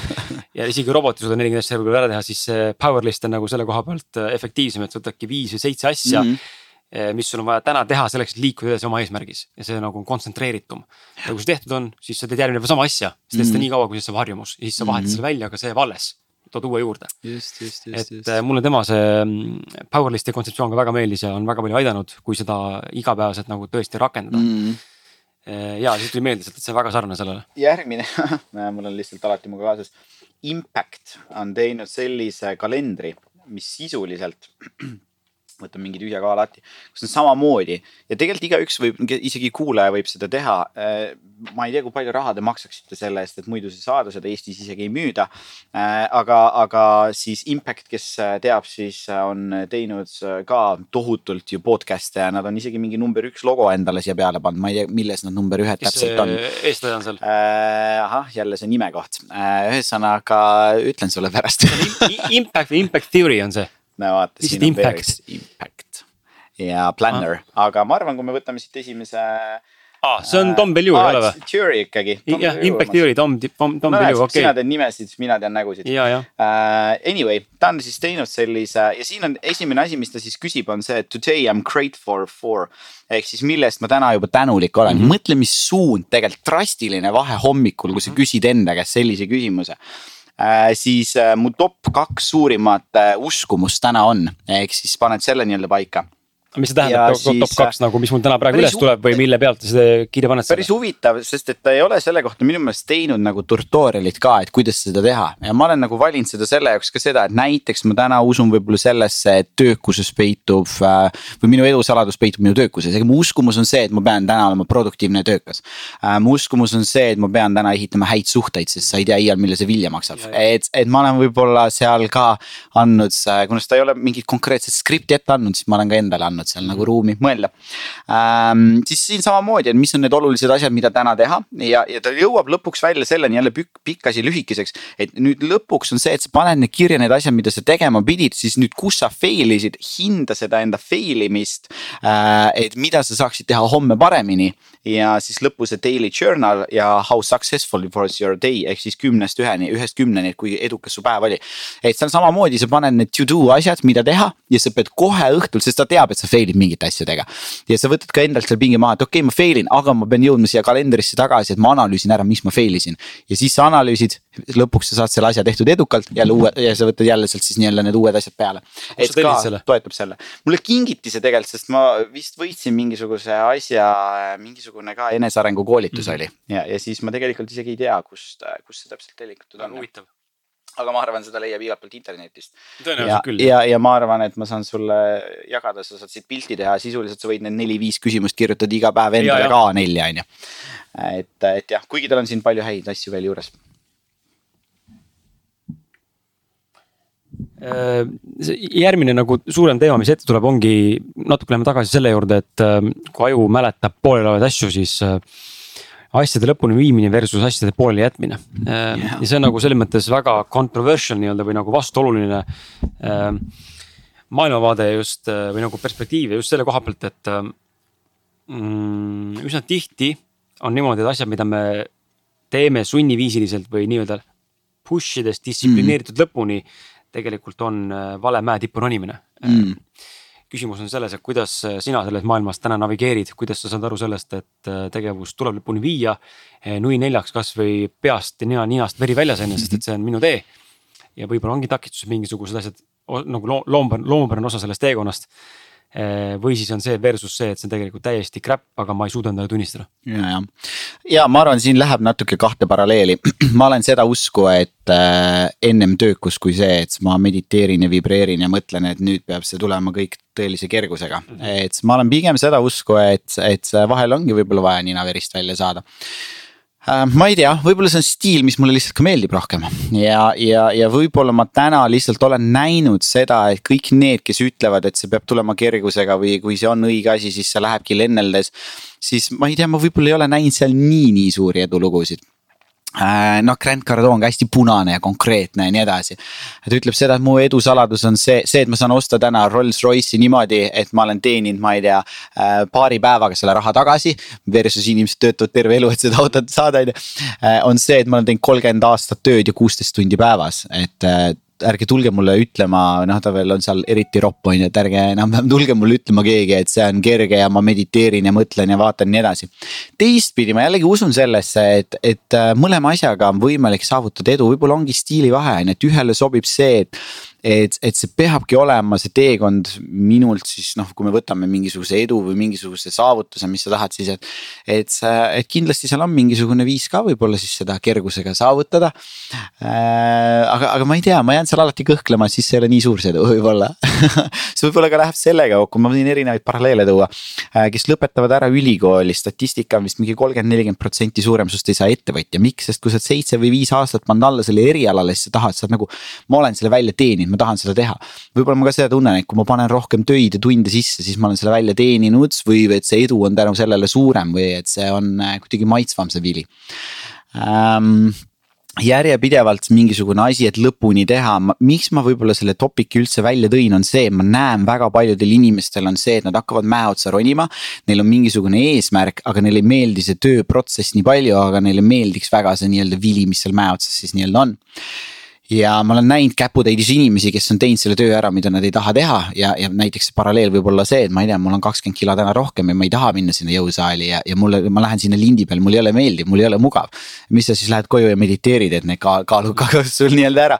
et, et ma täna nagu näen, paljudel jääb tegemata see sellepärast või jõudmata sinna tulemuseni sellepärast, et sulle ei meeldi teha seda musta tööd võib-olla seal vahel. Ja, ja, ja ma olen nagu see, kes on teinud seda nagu väga-väga palju. See on, see on nagu huvitav teema, sest et ma ise täna, ma olen siiamaani äh, olnud äh, uskumusel ja veendumusel samamoodi, et äh, tuleb sitaks näha vaeva mm, et oma asju saavutada. Ja, ja täiesti nõus, et, et see töötab. ja näinud oma elus seda, kuidas äh, suur panus loob tegelikult ka tulemusi mm., aga teistpidi täna ma näen üha rohkem seda, kuidas ka läbi kerguse tulevad mingid asjad läbi täiesti absurdsete situatsioonide. aga ma olen sinuga siinkohal ka seega nõus, et äh, isegi kui on olemas mõlemad teed ja mulle tundub, et ongi täna mõlemad teed, üks on see raske mm. tee, nii-öelda raske tee, sa teed küll oma asja, aga sa teed seda nagu tõesti niimoodi, et sul on nagu meeletu hustle iga päev, on ju. Mm. või sa teed oma asja, aga sa teed seda läbi kerguse, spontaansuse ja nii-öelda nagu voolamise ja siukse nagu spirituaalsema kontseptsiooni nii-öelda. usaldamise, mis iganes, keegi kasutab neid termineid seal et see point on nagu sama, aga mulle tundub täna ka ja ma ei ole ka näinud, ma siinkohal olen sinuga nõus, ma pole ka näinud veel. Mm, kui võrrelda nagu nii-öelda tulemuslikkust. et siis ma ei ole näinud ka, et keegi oleks jõudnud kuskile Gary Vee või Grant Cardone'i või mingi tasemele niimoodi, et ma lihtsalt olen nagu voolanud läbi elu. noh, seal on see voolamine tema, tema teekonnas võib-olla sees olnud mingil määral mm, -hmm. aga mhm. tugevalt on näha ikkagi, et need inimesed, kes nagu nii kaugele jõuavad, et ostavad kuradi sul ongi Rolls-Royce'i on ju ja homme on raha tagasi teenitud. see on ikkagi tulnud nagu läbi meeletu hustle perioodi yeah ja, ja, ja oh jah, ma ei tea, noh, mul lihtsalt ma ei, ma ei suudagi vist siin kokku nagu võtta, mul jookseb läbi nagu järgmised eh, seitseteist koolitust, kus ma olen istunud Austrias, kus ma olen Ameerikas käinud, kus ma olen Saksamaal äh, käinud kordadest, Itaalias, Kreekas ma ei jõua kokku lugeda ja kui ma kuulan neid koolitajaid ja kui ma kuulan ikkagi ka, kes on olnud ikkagi maailma mõttes koorekiht ja nii edasi, siis nad nagu on nagu koolituse alguses öelnud ka, et kui te otsite nagu mingisugust äh, kiiret teed eduni või te arvate, et rikkaks saamine on lihtne, siis see on vale koolitus. et äh, ma, ma ei tea jah, ma olen lihtsalt aastate jooksul seda nii palju näinud, et ähm,, et äh, see, see ei ole see, see on mulle kinnistunud vaikselt juba. ma mängin selle ideega sellepärast, et ma hakkasin mõtlema, et vaata öeldakse, kui sa tahad muuta enda elu, siis muuda seltskonda, kus sa viibid. öeldes mis tähendab siis selle teooria kohaselt seda, et kui me täna sinuga oleme pigem veendumusel, et elu on ähm, mitte elu on raske, aga asi mm. tuleb läbi raskuse aeg-ajalt mm. ja on vaja teha asju mugavustsoonist väljapoole ja teha asju, mis on rasked. aga kui meile antakse võib-olla võimalus äh, olla igapäevaselt koos järgmised viis aastat inimesega, kes on läbi elu liikunud ainult kerguseni, et talle tuuaksegi raha lambist yeah.. ta saab mingi asja lambist, keegi ostab talle lambist auto lihtsalt yeah siis võib-olla meie mindset muutuks ja me näeksime sama võimalik. kogemust oma elus ka. ja võimalik, võimalik jah, e, see võib vabalt olla, et see muster, muster muutub ja ma arvan, siin on kõige parem äh, tsiteerida võib-olla isegi Jim Rohni, et Jim Rohn ütleb väga hästi, et don't wish it was easier, wish you were better mm. -hmm. et, et ära soovi, et elus oleksid teinekord asjad ka lihtsamad, soovi, et sa oleksid parem või et ära soovi, et sul oleks vähem väljakutseid. soovi, et sul oleks rohkem teadmisi. et ma arvan, siin me saame lihtsalt soovida seda, et me oleksime ise paremad, meil oleks endal rohkem teadmisi, meil oleks endal rohkem oskuseid. me ju kasvamegi ja me põhiliselt sellised kasvumomendid tulevadki pärast challenge eid on ju, midagi on nii pekki läinud ja ma saan nagu. Äh, ma, ma nagu muutun excited, kui midagi läheb nagu pekki, sest ma tean seda, et kui midagi läheb alla, siis ta peab minema ülesse. et, et, et see on ka võib-olla üks nihuke golden nuggets, et teinekord, kui sul läheb pekki, trenniga asjad ei lähe, sul ettevõtluses asjad ei lähe ja mingid asjad ja siis tuleb veel kuskilt kaks tonni arve. ja siis veel see on ju, siis get excited, sest kui see on läinud juba nii palju alla, siis ta peab minema üles, ei jää lõpuni alla minema, seal ei ole võimalik et, et jah, ma arvan, et see on see, mis me saame soovida, olla ise paremad, olla ise rohkem, omada teadmisi, omada mm, rohkem ja noh, ühesõnaga teadmisi, eks ole kui kui üks uks sulgub, siis on fakt see, et kuskilt see avaneb ka no,. peab avanema. peab avanema, ei saa olla, ei saa olla nagu one way, one way tee on ju lõpuni välja tuleme, tuleme nende plaatide juurde, mis sa rääkisid. Need eh, mõistuse plaadid või valikuplaadid nii-öelda, et ja eh, kas sa oled kuulnud äh, sellist härrat nagu äh, Vadim Zeland? no pilti võiks näidata jälle, eks ole Vene, vene, vene kirjanik äh,, vene kirjanik äh,, näitan sulle. aitäh pilti ei näita sulle, aga näitan sulle midagi muud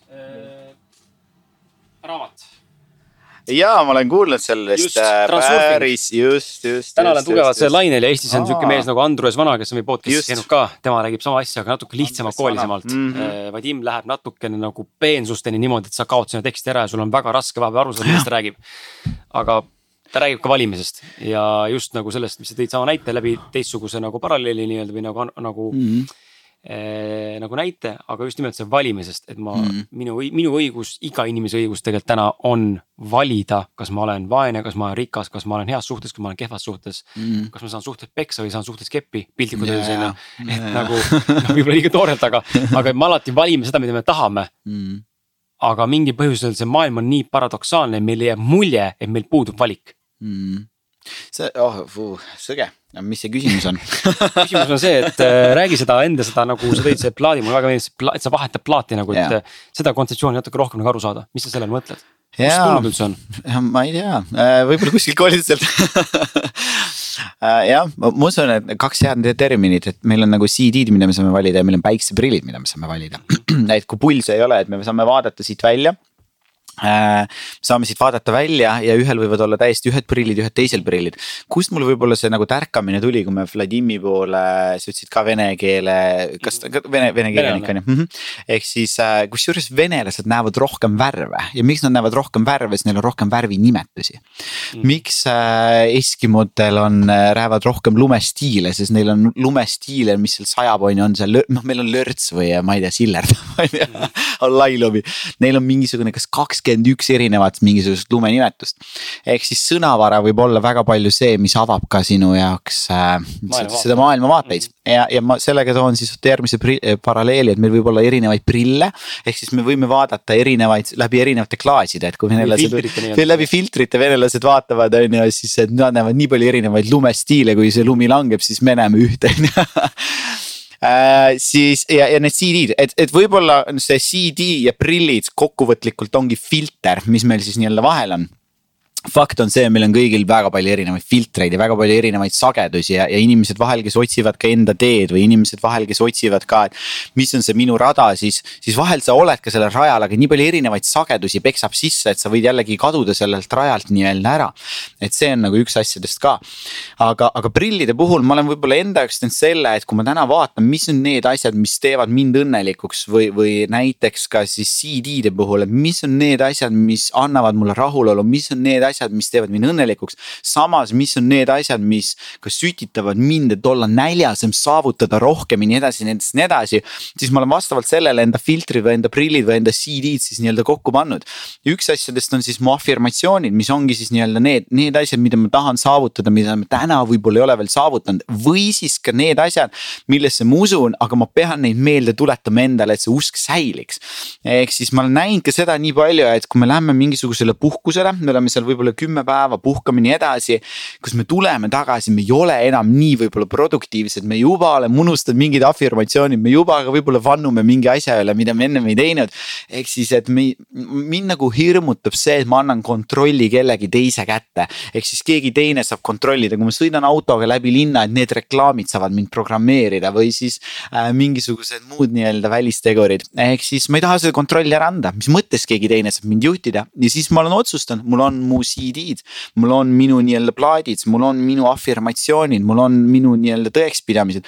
mul on minu meeldetuletajad, ehk siis ükskõik mis, ma olen üks maailma õnnelikumatest inimestest, ükskõik mis, ma olen sõge enesearengu järgi, sest ma tean, sealt on väga palju lahendusi selleks, et ma saavutaks oma edu mind ümbritsevad inimesed, kes on parimad mu arenguks. Äh, ma noh, ühesõnaga erinevad sellised asjad. Ja, ja neid CD-sid ma teadlikult panen endale peale, ehk siis need on need, need on need valikud, mis ma täna teen, need on, need ongi need CD-d see on nagu huvitav, sest et äh, vaata, teinekord on ikkagi ka ühiskond mõjutab meid natukene mm. ja, ja mu enda küsimus, noh, ma olen väga tugevalt saanud seda tunda nagu kuidas natukene jah, see on nagu väga ülekantud tähendus natukene tegelikult ikkagi. või noh, pigem nagu väga mingisugune kolmekordses jutumärkides on ju, natukene mõjutab. et aga räägi, mis on sinu kogemused olnud, kuidas sul on inimesed suhtunud võib-olla läbi elu sinu valikutesse, kas sõbrad, vanemad, tuttavad?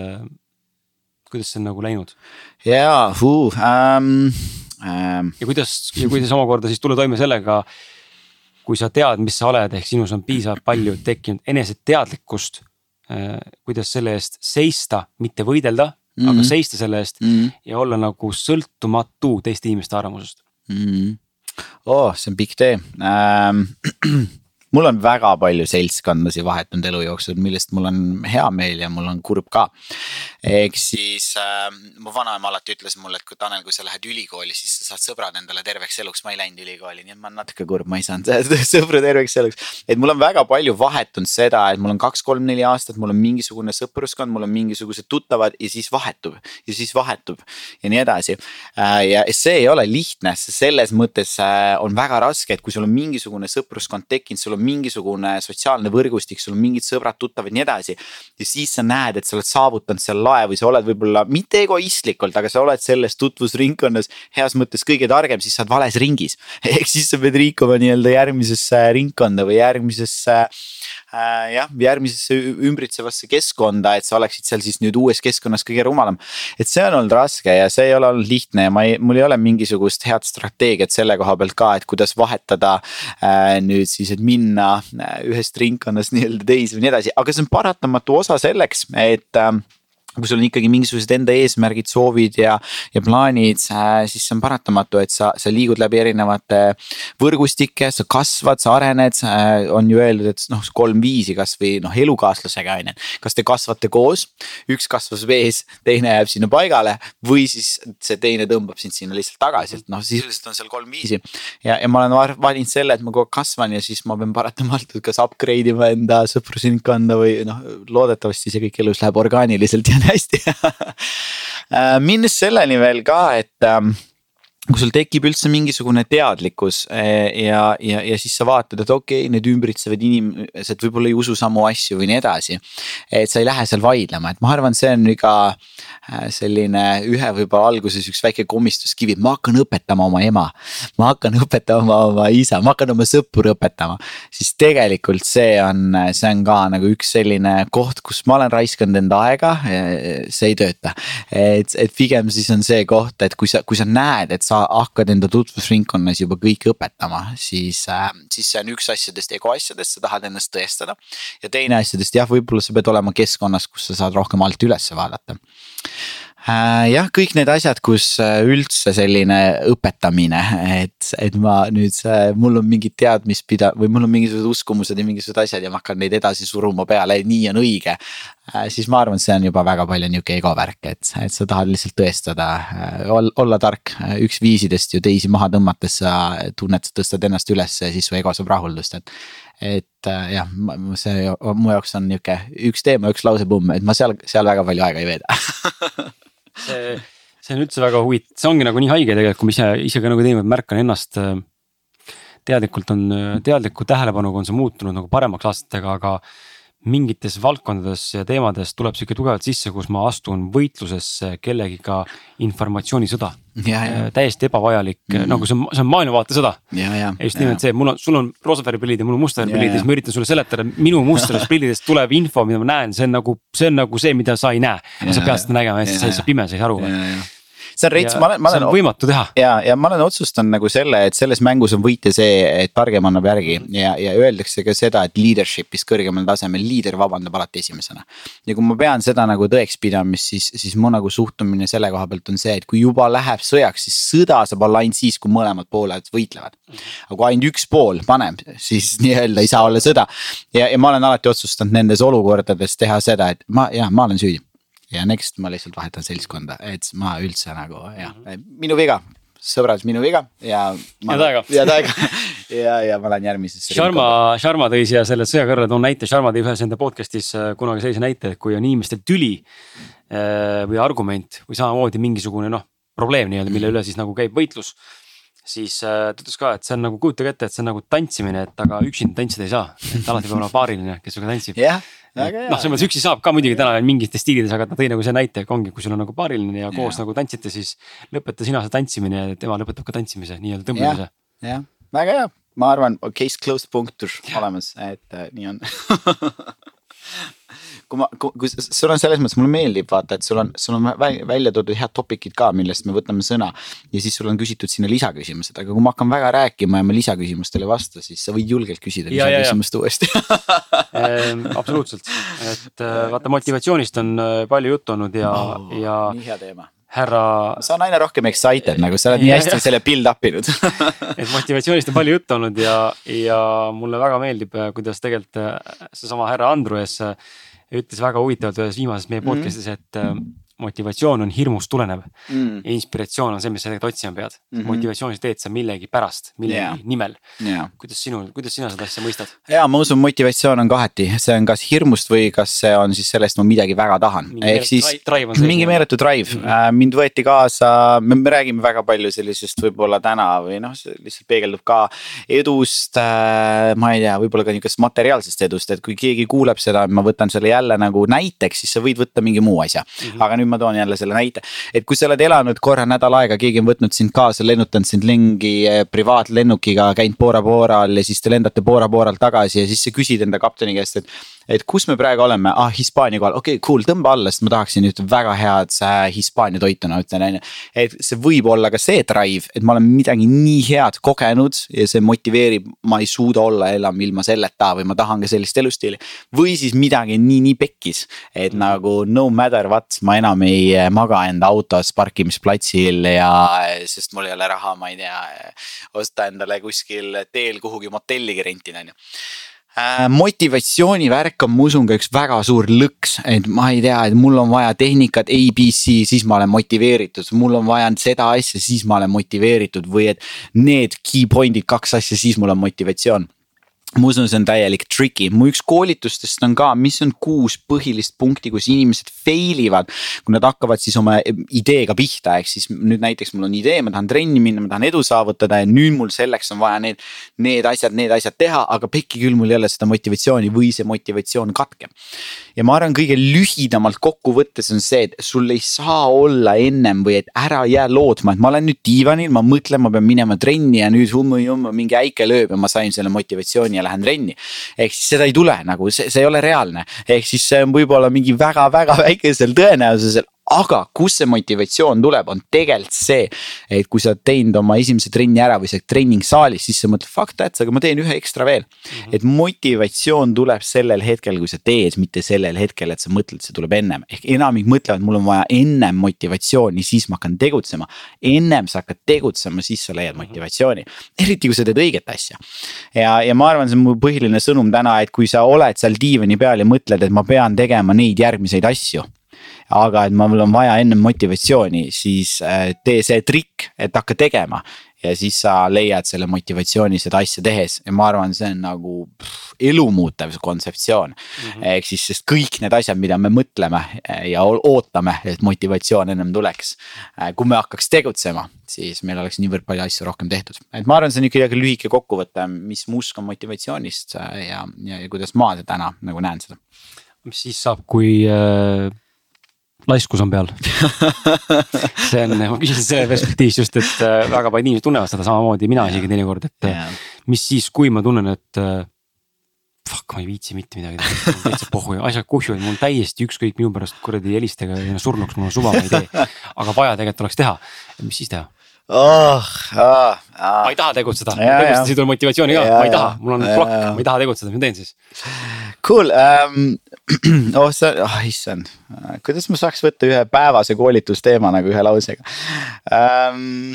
ma arvan, kõigil on seda uh, ja, ja võib-olla kõige lihtsam tehnika sellise asja puhul on teeni premeeri ehk siis, mida sa kõige rohkem siis tahad, ja kui sa ütled, et ma tahan telekast vaadata seda filmi ja süüa jäätist kõrvale ja veel paks tšipse. Cool, siis vähemalt tee nii palju ära, et mine niida nagu kolm, ma ei tea, minutit muru ja siis tõmba terve see jäätis endale sisse. või siis näiteks ma ei taha üldse seda teist, kolmandat, cool, mida sa siis tahad, ehk siis teeni premeeri, ehk siis. piitsa variantides äh, jah, äh, ma arvan, see on kõige lihtsam variant selleks äh,, hakka sealt seda puslet arutama. ega see, ma arvan, ongi võimatu, et kui sa oledki selles olukorras ja vahepeal on, ongi vaja endale anda ka aega, see on okei okay,, vahepeal ongi vaja laisk olla, vahepeal ongi võtta aega maha ja vahepeal ongi vaja mitte midagi teha, see on täiesti okei okay..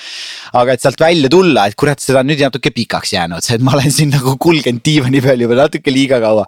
teenin premeeri, hakka lihtsalt asjade kätte, ma õpetan inimestele, kuidas raamatuid lugeda, see on väga lihtne. ehk siis sa võtad raamatu kätte, tee suvalise koha pealt lahti, cool, hakka lugema. nii, loe veel nii pane kinni, ei, sa ei loe rohkem, anna raamat tagasi, sa ei loe rohkem, ongi kõik, esimene harjutus tehtud. teeni premeeri, nüüd söö siis kilo jäätist. Ja siis saad, fuck, tegelikult oleks võinud paar lehte veel lugeda. et sa oled pisikesed asjad, teeni premeeri.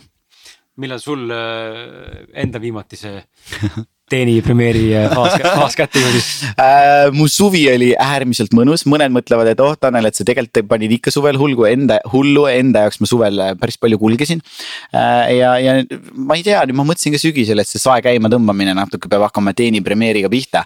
aga vist oli päris lihtne, ma tegin mõned pühapäevad, vaatasin mõned filmid ja sõin ka natukene jäätist ja. ja, ja lubasin endale natuke tšipse ja, ja siis juba vaatasin, kurat, tegelikult on, võiks tegutseda äh, ma arvan ka, kui sa oled juba aastaid aastaid teinud. ja võib-olla tuua see paralleel, mis on edukate ja väga edukate vahe, siis väga edukad on õppinud armastama protsessi, armastama töö tegemist.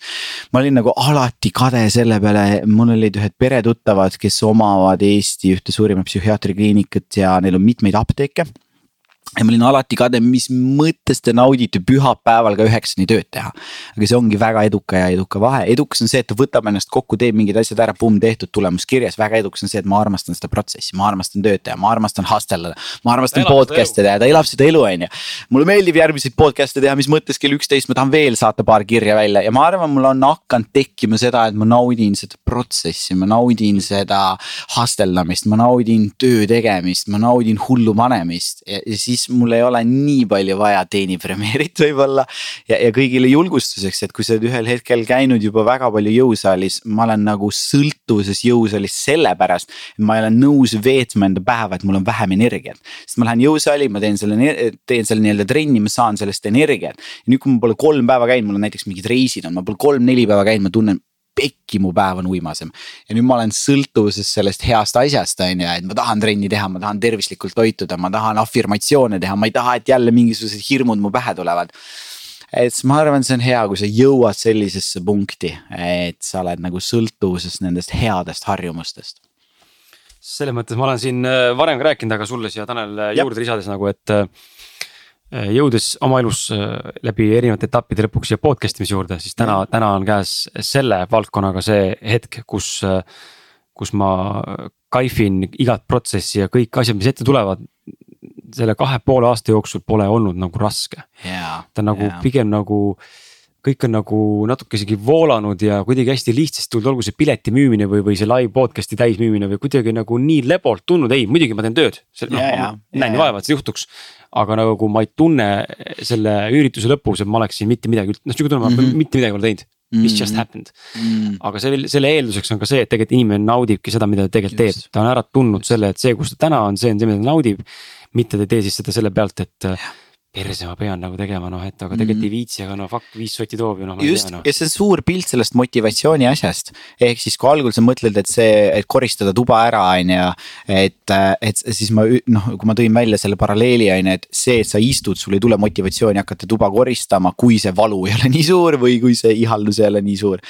aga see, et sa hakkad tegutsema, siis sa mõtled, okei okay,, tegelikult polegi hullu, ma tõmban siit selle tolmu ära, aga see on see suur pilt sellest, et kui sa oled mingisuguseid asju aastaid-aastaid teinud, siis samamoodi see, et see tegevus tegevus juba motiveerib ja see kulgemine ja see protsess ja see annab seda motivatsiooni, et järjest teha ja jätkata ja nii edasi, et kui sa oledki selles sõiduvees või sa oledki selles protsessis, et sa tegutsed ja toimetad ja möllad ja, ja nagu sul selle podcast'iga siis see ongi see motivatsioon, noh. You crack the code, sa said sellele koodile pihta, on ju, et mitte sa ei istu diivanile ja oota, vaat sa tegutsed ja tegutsedes see annab uut motivatsiooni, uut motivatsiooni, uut motivatsiooni. see on ideaalne näide selleks, jah siin äh, tuleb sellele ideaalse näitele tuleb teine võrrand kohe juurde, võrrand jätkub. võrrand jätkub, nii. tuli võrdusmärk ja nüüd äh, jätkame võrrandeid järgmiselt realt, et äh,. aga mis saab siis, kui see teekond on mul liiga pikk, muidugi see mõistuse perspektiivist, aga teekond on olnud liiga pikk või piisavalt pikk juba. tänaseks ma ei ole sellega veel teeninud ja mul kaob ära ambitsioon. mul kaob huvi, sest ma näen, et ma kurat ei jõua sinna, kuhu ma tahtsin jõuda. ja tegelikult võib-olla homme oleks tasuvuse piir, aga ma täna jätan pooleli. et äh, kuidas nagu ära tabada seda, et äh, noh, seal on muidugi südikus, järjepidevus ja muud asjad juures on ju, enda motiveerimine ja kõik see asi juurde. aga teisalt äh, kuidas nagu sellest üle tulla, saada aru sellest, et asjad võib-olla võtavadki aega ja homme võib-olla on see pidupäev, präänikupäev oh,. ma arvan, inimesed kahjuks või õnneks õpivad seda läbi valusate kogemuste ehm oh tee, ma arvan, siin saab ühe hea loo tuua.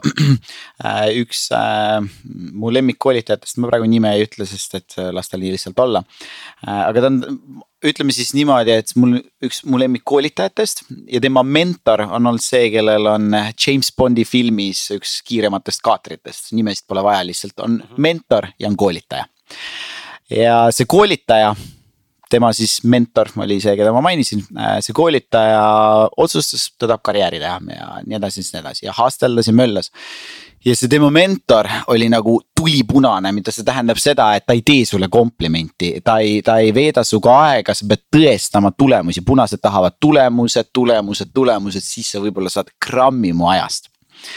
Äh, ja see mees juhendas teda ja ta vist töötas tema juures kontoris umbes kokku äkki üks kaks aastat. ja hasteldas, möllas, proovis tõestada, tegi, oli kauem tööl, läks äh, hiljem ära, tuli varem tööle ja nii edasi, möllas nii edasi sellepärast, et ta ihaldas neid tulemusi, mida ta mentoril oli ja ta uskus ka seda, et see on läbi suure töö, läbi pingutust, läbi selle, ta peab ennast tõestama, ta saab paremale kohale, ta saab sealt selle know-how ja nii edasi, siis nii edasi ja siis juhtus sedasi, ta oli aastaid investeerinud sellesse ettevõttesse ja see ettevõte läks pankrotti ja ta mõtles, et täiesti pekkis vaata, kui sa olid nagu full fookusega kogu selle hingega selle töö juures. siis üks hetk, kui see on läbi, siis sa mõtled, pekki, aga mul pole muud elu olnudki, et mul ei ole nagu neid asju, kuhu ma olen mujale toetanud. ja ainuke, mida ta oskas teha, oli see, ta läks selle kontori ukse ette istus sinna maha, mõtles, et ühel hetkel äh, siis mu mentor äh, peab tulema siia kontorisse kasvõi asjade järgi või keerama selle ukse lukku. Ja ju siis, kui ta tuleb. siis nii-öelda ähm, ta ütleb mulle, et tänud sulle, et noh, et sorry, asjad läksid pekki, ma ei ole vihane on ju, aga thanks, noh ruiska on ju ja siis äh, istub seal, öö juba tuleb peale, on seal parkimisplatsil nii edasi ja siis ühel hetkel näeb must limusiin sõidab siis sinna parkimisplatsi, millega siis sõitis tema nii-öelda mentor ja ta istus siis seal nii-öelda tagaistmel äh,. tal oli oma autojuht, nii edasi äh, ja, ja siis äh, ta läks sinna kontorisse. enne kui ta kontorisse läks, ta vaatas lihtsalt otsa talle korra ja kõndis mööda, läks kontorisse, siis ta mõtles täiesti pekkis. see ei ole võimalik, okei okay,, kui ta tuleb sealt kontorist välja, äkki ta lihtsalt ütleb, et kuule, thanks. ja siis ta tuleb sealt kontorist välja, istub otse autosse ja sõidab minema ja siis tal lihtsalt varises terve maailm kokku, ma ütlesin, see ei ole võimalik lihtsalt, see ei ole võimalik. ja no siis ja, ja oligi nii, et hakkas vihma sadama ja nagu ühesõnaga nagu päris film. ja ta näeb lihtsalt see limusiin sõidab ära ja nii edasi ja siis ta mõtleb, see ei ole lihtsalt võimalik, ühesõnaga kutil kogu maailm on varisenud kokku. ja siis ta näeb sealt noh, kui vihm, vihm on nagu hämar, siis kui auto pidurdab, siis need pidurdustuled nagu löövad põlema ja, aga tollel hetkel ta oli nagu see, et okei okay,, tunnustas midagi sinna kontorisse, ehk siis nagu, nagu arvatavasti tunnustas ja siis see auto sõidab tagasi. siis see limusiin sõidab ta ette, siis ta laseb akna alla ja siis ta ütleb, et kes kurat sulle ütleks, ütles, et rikkaks saamine on lihtne. ja siis laseb akna kinni ja sõidab minema ja see ütles, et see oli tema turning point, ta ütles, et mulle piisas sellest lausest. pärast seda ma teenisin kümme tonni kuus, pärast seda ma teenisin sada tonni kuus, pärast seda ma teenisin oma esimese miljoni kuus. mul oli lihtsalt vaja seda lauset. et ma olen ka nagu võib-olla veits seda usku, et fuck nagu, et järjepidev ja see, et asjad jäävad pooleli, ma ei tea. ühesõnaga, ma meenutan seda lugu endale siis tavaliselt, et võib-olla see lugu kedagi kannab ka teinekord, kui asjad lähevad raskeks, et et see pekki nagu, sul ongi vaja oma tunnid täis teha, sul ongi vaja piisavalt investeerida, et teinekord näha mingisuguseid tulemusi, kui sa oled jõusaaliga, sa ei saa ka nädalaga six-pack'i on ju. mõned näevad aega kümme aastat lausa on ju, et nagu see on osa protsessist. jah, see, see protsess ongi teinekord see, mis kui ta läheb väga pikale, siis noh, kuna me inimestena oleme need, kes tahavad väga tihti ikkagi saada seda quick fix'i ja, ja see peab täna juhtuma, on ju, et kui homme juhtub, siis on hilja, on ju, et ei ole mõtet. Et Mikro... täna alustasin ja homme pean olema edukas juba. jah, see mikrolainahju efekt on ju, et mm. me natuke täna elame selles ajastuses, et paned popkorni sisse, pumm, see on valmis, et äh,. jah, nii ta on, kahju, et seda uskumust äh, ikkagi on, aga teistpidi, cool, kui sa oled seda usku ja see sul töötab ja sa saavutad edu nagu come on, see on ka nagu kõva, see on ka fine, et see tegelikult ma võin tuua teise paralleeli. Tehti podcast või tehti ka video, see on Youtube'is üleval, võite guugeldada. üks Ameerika paar on võitnud lotoga kolm korda jackpot'i. meil on vist midagi sellist, et ma arvan, meil pole Eestis, ma ei tea, kahekümne aasta jooksul Viiking lotoga keegi võitnud isegi jackpot'i, aga need on nagu kolm korda mingisuguse, ma ei tea, viieteist aasta jooksul ja nii edasi ja siis ma vaatasin seda video, mis see tehnika on ja see tehnika on suuresti seda, manifesteerivad. ehk siis ummu-jummu, ma võidan need numbrid ta-ta-ta ja ma ei tea, osad naeravad, osad nutavad, aga nad on kolm korda võitnud. et, et äh, jah see võib olla ka see teine pool, et mingid asjad tulevadki su ellu kergusega mitte ma ei ütleks, et ostke kõik lotot. ja, jah, absoluutselt ja teistpidi paneb ka mõtlema, kui asjad tulevad su ellu kergusega, ju siis see on mingil põhjusel osa sellest teekonnast. et äh, mis iganes nad selle rahaga tegelikult tegema peaks, kas nad läbi hammustavad selle, et see raha tegelikult on mõeldud mingi muu asja jaoks, kui nad selle kulutasid on ju. aga seal võib olla see asjapunkt ka. võimalik. okei okay., ja, jah ja, jah vaatame edasi, mis meil on siin. Äh, kuidas olla järjepidevam, järjepidevus natuke räägitud, kuidas olla järjepidevam, pidevam ja anna natuke nõuandeid, mida sina nagu rakendad, et äh, järjepidevust, äh, järjepidevust üleval hoida ja oma elus nii-öelda aktiivselt, aktiivsena hoida ah,? ma ei usu seitse, neliteist ja kakskümmend üks ja ma ei tea, mis iganes päeva öeldakse, et kui sa nii palju teed, siis see automaatselt saab su harjumuseks ja nii edasi. ma olen teinud challenge eid, mis on seitsekümmend viis päeva, see tähendas kaks trenni päevas, kolm koma seitse liitrit vett päevas, kümme lehekülge raamatut, ei alkoholile ja ei rämpstoidule ja ma samal ajal reisisin korra tegin sama asja, aga ma jätsin pooleli poole pealt no nüüd ma saan rääkida, kuidas. see on sama Andy Frisella äh, Seventy five hard. Seventy five hard, jah et äh, ma ütleks seda, et kui ma see seitsekümmend viis päeva ära tegin, ma ei teinud seda selles mõttes edukalt, kui me lendasime Londonisse. ma arvan, päevi oli mingi nelikümmend või viiskümmend, noh üle poole oli tehtud, selgroog oli murtud vist viiskümmend või kuuskümmend isegi jah Äh, lendasime Londonisse, meil oli Londonis aega kuus tundi, sellest kuuest tunnist kolm tundi me saime magada siis kuskil motellis, et kiirelt edasi minna. ja ühesõnaga üks lend teise otsa ta-ta-ta-ta ja siis me oleme seal Londoni hotellis, mõtleme täiesti perses, me oleme unustanud vett juua ja sa saad aru sellest, kui sa jood kolm koma seitse liitrit vett, see tähendab seda, et sa suudad juua poolteist liitrit võib-olla korraga või kaks äh,. niimoodi, et sa jood selle ära, sul on nagu okei okay olla, aga siis sa käid kümne minuti tagant vetsus järgmise tund mm. -hmm. ja siis me saime nagu aru, et okei okay,, et me ei ole mingi nelikümmend kaheksa tundi maganud või noh, midagi nihukest ja nüüd meil on nagu see kolm tundi ainuke aeg, kus me saame magada ja siis meil on järgmine päev ja koolitus ja nii edasi, kas me magame või me hakkame seda vett jooma ja, ja siis me fail isime vee joomisega, aga me tegime kõik asjad lõpuni. ja mida ma sellest nagu õppisin, oli see, et see seitsekümmend viis päeva on üks nagu ikka päris nagu selline selgroo murdmise koht, et see jääb sul veits harjumuseks siis. Äh, see võib-olla jälle kinnitan sedasama limusiini lugu, kus see meesterahvas tuli, et ära arva, et kõik asjad nii lihtsad on. kui need oleks nii lihtsad, me oleks kõik edukad mm -hmm.. ehk siis selleks, et saavutada mingisugust edu, me peamegi rohkem hasteldama, rohkem tunde sisse panema ja nii edasi. jumal tänatud, et need asjad raskemad on, seda magusam see vili on lõpuks, kui meil on siin äh, käppudes inimesed, kes saavutavad mingisuguse edu et, äh, et see harjumuse värk, äh, seitsekümmend viis päeva oli küll, ma tundsin nagu üks selline asi, et nüüd ma nagu ei suuda ilma trennita olla, ma lähen nagu mitte närvi, aga no natuke närvi. Et, et, et mul on vaja seda, mul on vaja seda doosi, et ma saan selle laksu kätte kuidas nüüd see seitsekümmend viis päeva ära teha uh,, no eks seal peabki miks olema, noh äh,. seda ma võin öelda, et otsuseid me teeme sekundiga, see on nagu lambi sisse lülitamine, tuh-tuh. ma tegin selle seitsmekümne viie päevase challenge'i otsuse tegelikult see, et ma kuulsin seda, mõtlesin, võiks teha ja tegin. et seal ei olnud, et ma vegeteerisin seal mitu kuud, et kas ma hakkan seda tegema või mitte, me teeme otsuseid kiirelt ja, ja samamoodi, et kas me lõpetame suitsetamise või mitte. see on noh, jälle nii pikk teema, kuidas see psühholoogia seal taga on, otsuste tegemisest me oleme kiired ehk siis, kui sa teed selle otsuse, siis sealt järgmine on see, kuidas järjepidev olla. nüüd eks see ongi raskem, ma arvan, mu sõnum ja, ja seal ei ole nagu mingit magic äh, tasti ehk siis võlupulberit, mis ütleb, et nüüd, kui sa seda teed, et siis see on hullult lihtne, see seitsekümmend viis päeva nagu ma ei tea, vastu pidada. kui sul on see miks ehk siis midagi põletab, nagu mul on vaja see ära teha äh, siis see teeb selle lihtsamaks, et, et võib-olla nii palju jah. see seitsekümmend viie päevaga ma ise nägin ka, kuidas äh, nagu trenn näiteks või üldse kogu tegelikult see seitsekümmend viis päeva nii-öelda see päeva nagu tsükkel või see tööülesande lisaks kõigele muule, mis iga päev teed, see tegelikult muutus osaks nagu sinust suhteliselt kiiresti ja, ja. see tegelikult oli nagu.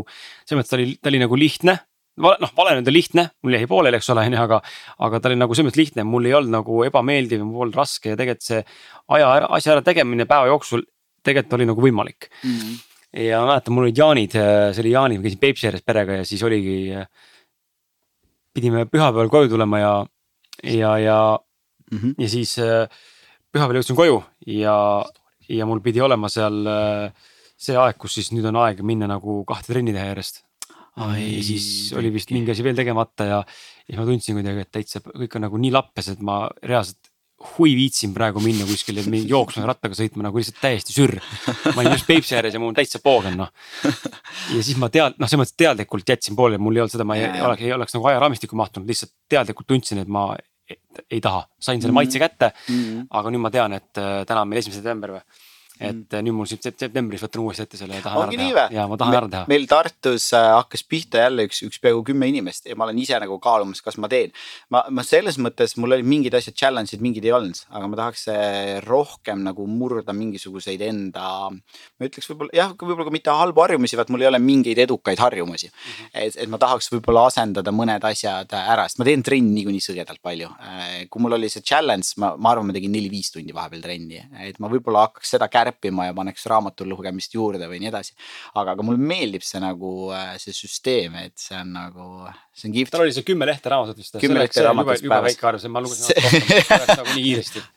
tundus nii nagu nali lihtsalt. see oli ja, ja. aga no ta ise seletas ka, et tema on väga sikk lugeja, tal nagu ja, ei suuda. just, et, et selles mõttes äh, ma võib-olla ka modise-, modifitseerin seda natuke Startus, kes meil hakkasid tegema, no ma tean, nad tegid nii eelmine aasta, neid oli kümme tükki, kõik panid tuhat euri sisse, kes kaotavad ring, see raha jääb ringi ja lõpuks jagatakse võitjate vahel välja. aa, niimoodi või? ja, ja kümnest seitse tegi ära. väga hull. ja, ja siis äh, väga kihvt ja nemad modifitseerisid seda, et nad tegid trennpäevas ja mitte kolm koma seitse liitrit vett, vaid kolm liitrit vett et ka täitsa okei okay,, et, et ühesõnaga äh, ma tahtsin tulla korra millegini seal veel tagasi, aga, aga. kas startlastest äh, Ats Loot oli üks või? jaa, Ats Loot oli üks. Ats äkki tegi, Atsiga suhteliselt samamoodi, Ats on väga poiss. ja, ja, ja, ja. no Atsil pole midagi, mingi probleem, ma arvan, teha ise. kulturist elab, elab jõusaalis lihtsalt. ja, ja, ja, no just ja vaata, see on cheating meals ja kõik ja, see, et väga palju, et ma ühe sõbraga rääkisin ka, kes on ka kulturismis kõvasi tulemusi teinud, siis ta ütles ka, et kurat, ega ma nagu teengi seda värki enam-vähem et, et nendel ei ole võib-olla nii suur challenge, aga noh, ei tea, see selleks iseendast on meil täna ka siin saates palju räägitud ja toome selle tähelepanu just selle peale, et enda hindamine ja iseenda miinuste ehk siis puudujääkidega rahu tegemine on nii-öelda hea kunst. Äh, noh, seda võiks ju selles, selles suunas võiksime liikuda tegelikult, et iseendaga rahu teha, sest et mida ma ikka nagu ennast madistan ja tapan ja nagu nii-öelda alavääristan, aga tihtipeale ikkagi juhtub. Äh, aga, aga just selles kontekstis, et milline, milline nagu see, milline oled sina nagu mehena olnud, et kas sa julged endale tunnistada, kui on kuskil mingid puudujäägid või pigem ongi see, et äh, surun nagu silmad kinni ja nui neljaks, ma ei näita seda välja, ma ei ütle seda välja ja afirmeerin vastupidist või pigem ongi aeg-ajalt on sellised nagu haavatavamad hetked, kus sa tunned, et tegelikult ongi, tegelikult ma olengi nagu sitt selles, ma tegelikult saan ka aru.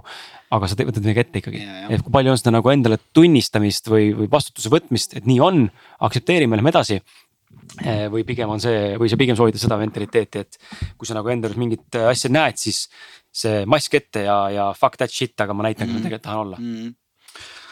Ah, oh, Pekki, need teemad on täna nii head ähm,. Intens. jah, jah, see ähm,. Ähm, kindlasti on, olles ka selline, kuidas ma ütlen siis, mus on ka sellist punast drive'i ja juhtimist ja kõike seda. siis äh, kindlasti selle pool on või selle tagaküljel on oma õrnem pool nii-öelda ka peidus, et, et ma mhm. teen kindlasti täna mingisuguseid asju, et kuskilt saada tunnustust, sest ma ei ole seda saanud piisavalt, on ju, ja ma annan endale sellest aru ähm,. ma arvan, ma hakkasin sellega gramm varem pihta ja mul ei ole nii, nii suur äh, probleem võib-olla tunnistada, sest ma saan aru, et kui ma ei tunnista, siis ma lükkan lihtsalt seda edasi enda arengus. Äh, ma hakkasin käima psühholoogi juures, kui ma olin kuusteist, seitseteist, mitte et mul midagi viga oli, vaid ma ei saanud aru, kuidas käivad suhted ja ma hakkasin ennegi tööd tegema. ma arvan, mu psühholoog siiani äh, heas mõttes armastab mind, sest kes see tuleb sul kuueteistaastane, ütleb, et kuule, ma tahaks paremaks saada suhted inimestega või paarisuhted? Äh, paarisuhted ja suhted mm -hmm. iseendaga ja, seal ma sain aru sellest nagu varakult, et sa võid mingisuguseid asju endale mm, valetada, aga siis sa komistad niikuinii uuesti ja sa komistad jälle uuesti ja komistad uuesti äh,. kindlasti ma olen teinud seda, et ma olen komistanud mingisuguste kivide otsa ja, ja ma ei ole mingitest asjadest aru saanud ja mingisuguseid ego asju olnud ka ja, ja nii edasi, aga ma täna proovin võimalikult palju, et kui mul mingisuguse asjaga läheb pekki, siis mis nagu on olnud see, mida ma ei ole teinud, siis võib-olla ma ei ole teinud võib-olla äh, seal õigesti või, või mis on see, mis siis äh, Äh, on jäänud kahe silma vahele, on ju, et, et tihtipeale, kui me midagi kuskil võib-olla ka komistame, siis on see, et elu tahab õpetada mingisugust peatükki, sest sa ei ole sellest õppinud ja siis sa komistad uuesti ja komistad uuesti ja komistad uuesti ja kõik, no me teame, töö on lõpuks iseendaga päris palju. et, et ma olen ikkagi täna, kui ma kuskil midagi komistan, nii edasi, ma proovin võimalikult kiiresti aru saada, cool, Tanel, siin on vaja mingi ego alla suruda, siin on vaja tunnistada, et see on mingisugune järgmine challenge, see on mingisugune järgmine asi, mis on vaja ära õppida.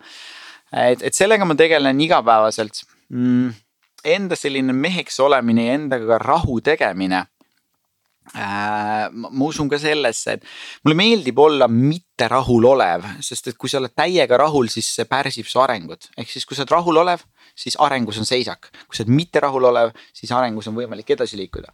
Äh, aga mulle meeldib mängida ka seda nagu balanssi, et, et ma pean mingites hetkedes olema rahul, sest vastasel juhul ma ei saa olla võib-olla ka õnnelik või rahul on ju. ja, ja teine asjadest on see, et kui ma ka olen liiga mitte rahulolev, siis see on demotiveeriv, ehk siis ma nagu lööks iseendal jalad alt ära. selleks, et võib-olla endaga sellist rahu leida või teha, ongi see, et, et ma olen saanud nagu aru sellest ja ma olen kuulanud niivõrd palju edukaid koolitajaid ja nii edasi. ja, ja ma olen ka saanud aru sellest, kui ma olen reisinud, et, et mida sa siis, kui sa tükk aega reisid, mida sa siis igat igatsema hakkad. ja tegelikult sa hakkad igatsema seda äh,, ma ei tea, kartulit äh,, mis on värske kartul, seda värsket sibulat äh,. võib-olla seda mingit head õunamahla ja nii edasi ja siis sa saad aru tegelikult mingi osa rahulolust ja õnnest on nendest samadest pisikestest asjadest, mida sa lapsena said äh,. või mida sa siis nii-öelda jah, seal nii-öelda kogesid ja siis ma saan nagu aru, et okei okay,, ma mitte rahulolev olen nendega, et ma saavutaks oma karjääri eesmärgid ja ma rahulolev olen nende asjadega.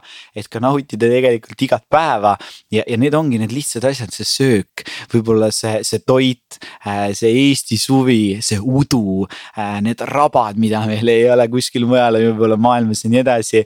et, et seal ma olen nagu mõistnud, et kui ma nüüd saavutan edu, siis mida ma tahan ja kui ma olen näiteks, ma kuu aega Bora Boral, siis mida ma igatsema hakkan, siis ma saan aru, pekki ma hakkan igatsema seda värsket kartulit ja, ja, ja siis nii-öelda seda kapsast ja neid porgandeid ja, ja seda, ma ei tea, mis iganes nii-öelda asju.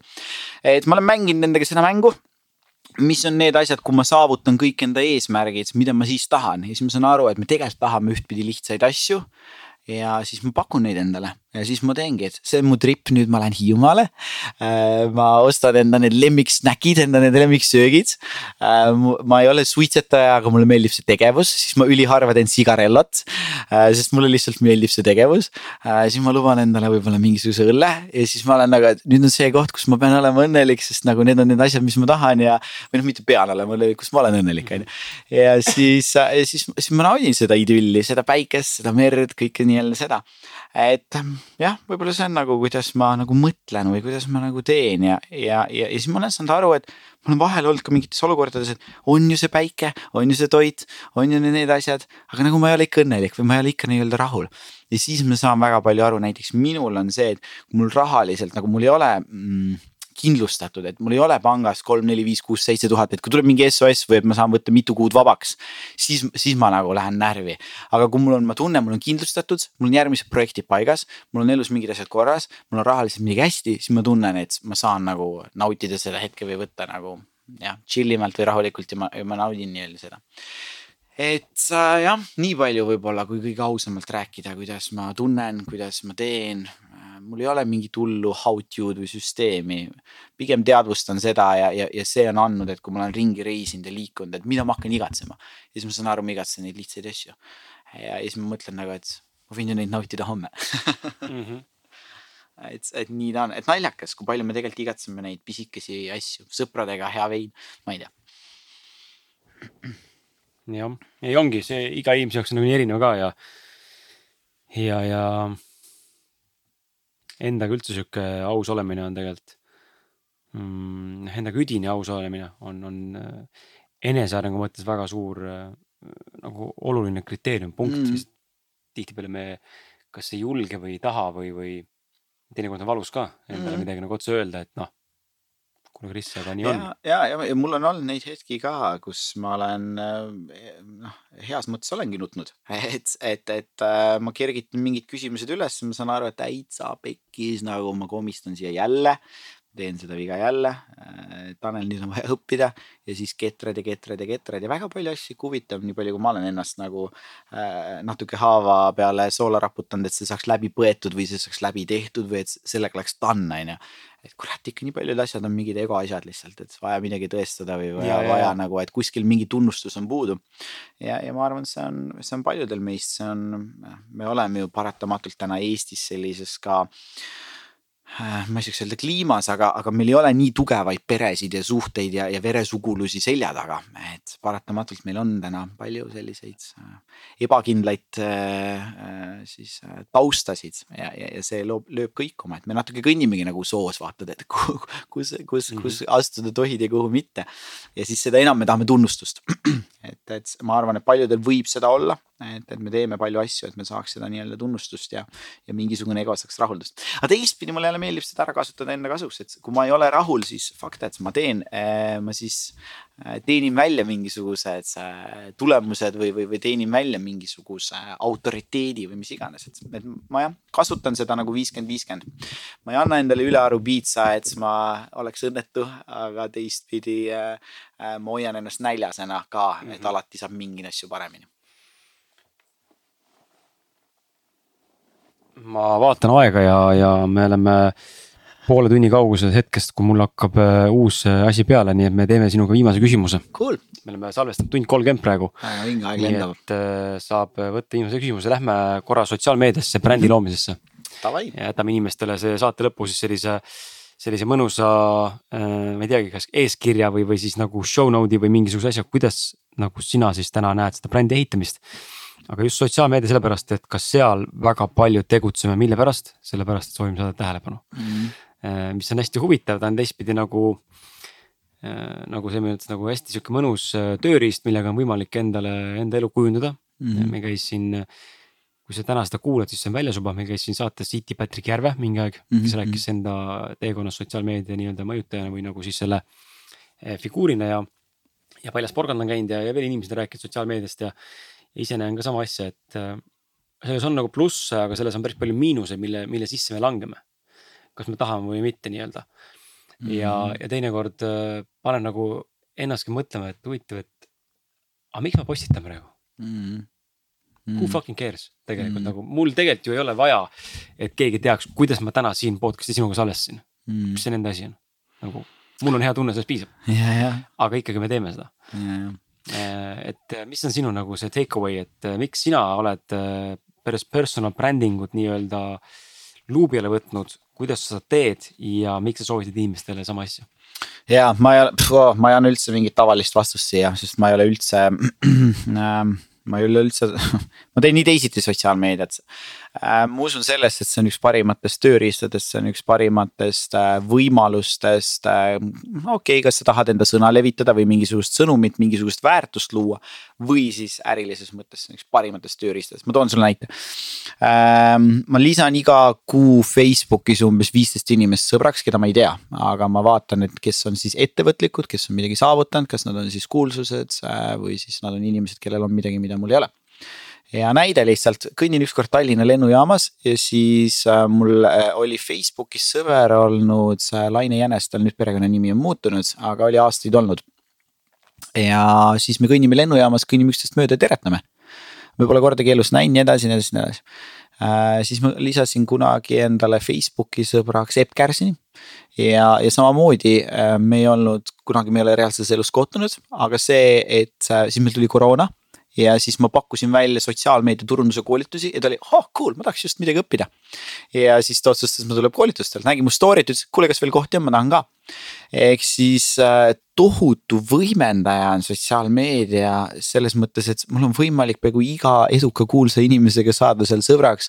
mul on võimalik, äh, ma ma ei tea, mida ma peaks elus tõestama selleks, võib-olla, et saada intervjuu või saada, ma tahaks pool tundi sinu ajast, et, et, et anna enda know-how. aga me oleme paar aastat jooksnud meie pildid üksteist feed'ist läbi, siis saad nagu juba sõber, kui me tänava peal näeme, tšau, teinekord kuskil on mingi pidu kuskilt ei saa sisse, aa kuule, see on tuttava näoga, hea küll, ma tule minuga kaasa, mis iganes. et see võib avada nii palju uksi, ma usun sellesse, et sotsiaalmeedia on üks suurim ukse avajatest, mis üldse on leiutatud. et sa võid sealt saada, ma ei tea, inimesed leiavad sealt paarilised, inimesed leiavad sealt omale tööd, inimesed leiavad oma ärid, inimesed kasvatavad seal üles oma ärid.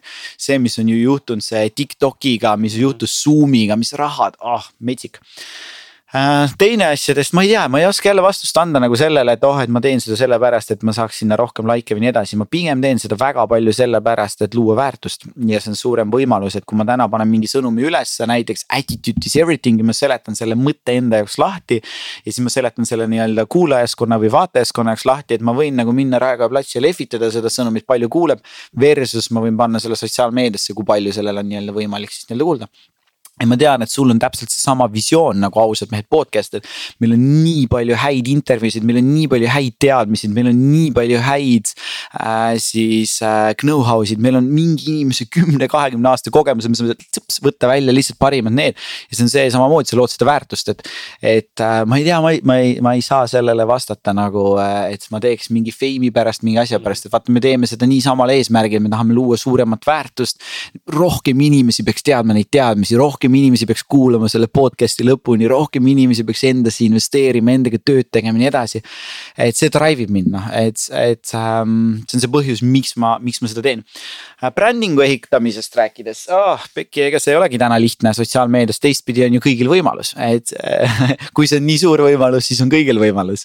et täna olla pildis, siis üks põhilistest asjadest on järjepidevus, ma just Juhani Särglap, kes kuulutati välja kaks tuhat üheksateist aastal Eesti parimaks influencer'iks, temaga rääkisin eile. ja ütlesin, et Juhani, et mida sa täna teeksid, äh, et minna oma sotsiaalmeediaga siis nii-öelda järgmisele tasemele, et. et mul on tänaseks päris arvestatav jälgijaskond on ju, tuhandeid, ühesõnaga noh, ühesõnaga mingi viie tuhande kanti nii-öelda kuulajast jälgijaskonda. mida sa teeksid, et järgmiseks nii-öelda nagu, mis on see step, et kuidas seda duubeldada ja nii edasi ja siis ta ütles ka, et ega see ei olegi täna nagu nii lihtne.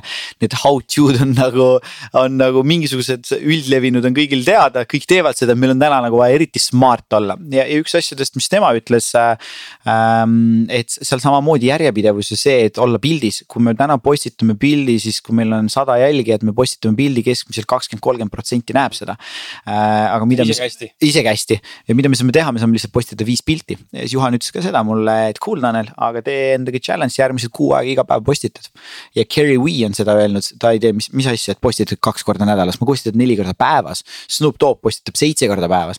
noh, nad on kena natuke ikoonid ka on ju, aga, aga. Kerry ma... puhul on ka tiim taga. Kerry puhul on ka tiim taga. see on igal pool lihtsalt. ja, ja et, et see on võib-olla üks asjadest brändingus ja selles, et kui sa tahad sellega edu saavutada, seal peab olema see järjepidevus, sa pead jällegi seal selle töö nii-öelda ära tegema, ma ei, ma ei, ma ei tooks välja, ma arvan, siin on eelnevad kõnelejad andnud how to sid ka, mis on võib-olla mingid nipid, trikid, mida teha. Ma saan võib-olla lihtsalt selle värske info lisada, et mida teeks Eesti tippinfluencer äh, täna. Äh, see on see, mida ta täna teeks ja, ja, ja annaks endale siis äh, aru selle koha pealt, et, et see on järjepidev tegemine.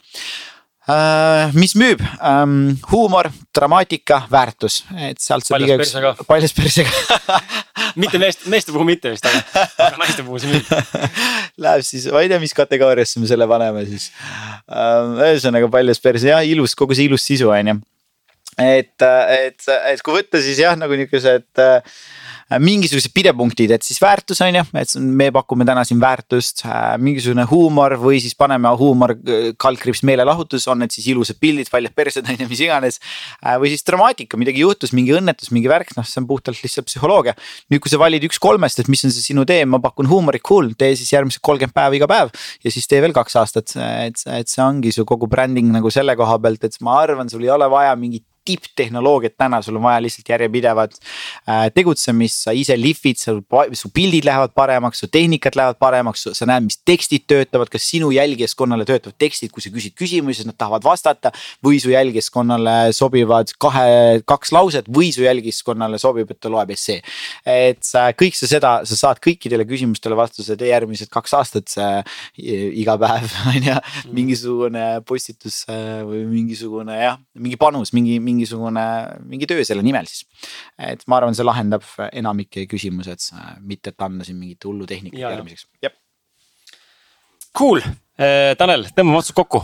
Yes ähm,. ma arvan, me võiksime sinuga rääkida tundide viisi veel ja võimalik, et me teemegi sinuga mingi aeg teise saate otsa. ja, ja julgelt, vaata teemasid on palju ja, ja mm, ma julgelt tõmban nagu mingeid asju veel lahti selles mõttes ka inimestele, et et äh, see on ka ju üks mu eesmärkidest, ma olen oleks ise olnud väga rohkem tänulik, kui keegi oleks, kui oleks noor mina ja vana mina oleks nõu andnud, on ju. et ma täna võib-olla kellelgi olen see vana mina, kes saab nõu anda, et ma hea meelega jagan seda väärtust, hoidke aastaid kokku ja. ja, ja julgustan olla nagu enesekindlalt tegutseda nagu edasi, selles mõttes enesekindlalt, et pole vahet, mida teised ütlevad, tee noh. Mm. lihtsalt tee ja jällegi paljude-paljude asjadega, Richard Branson ütleb ka seda, on ju, et. et, et tee otsus, tegutse ja siis tee peal sa leiutad, kuidas see asi tegelikult käib, et ma, ma olen ka seda meelt, lihtsalt tee, tegutse tegutse ja sa leiutad. ja kes tahavad, saavad tulla, ma teen nüüd järgmiseks, mina ei tea, kust, kuna sul üles läheb see podcast äh,.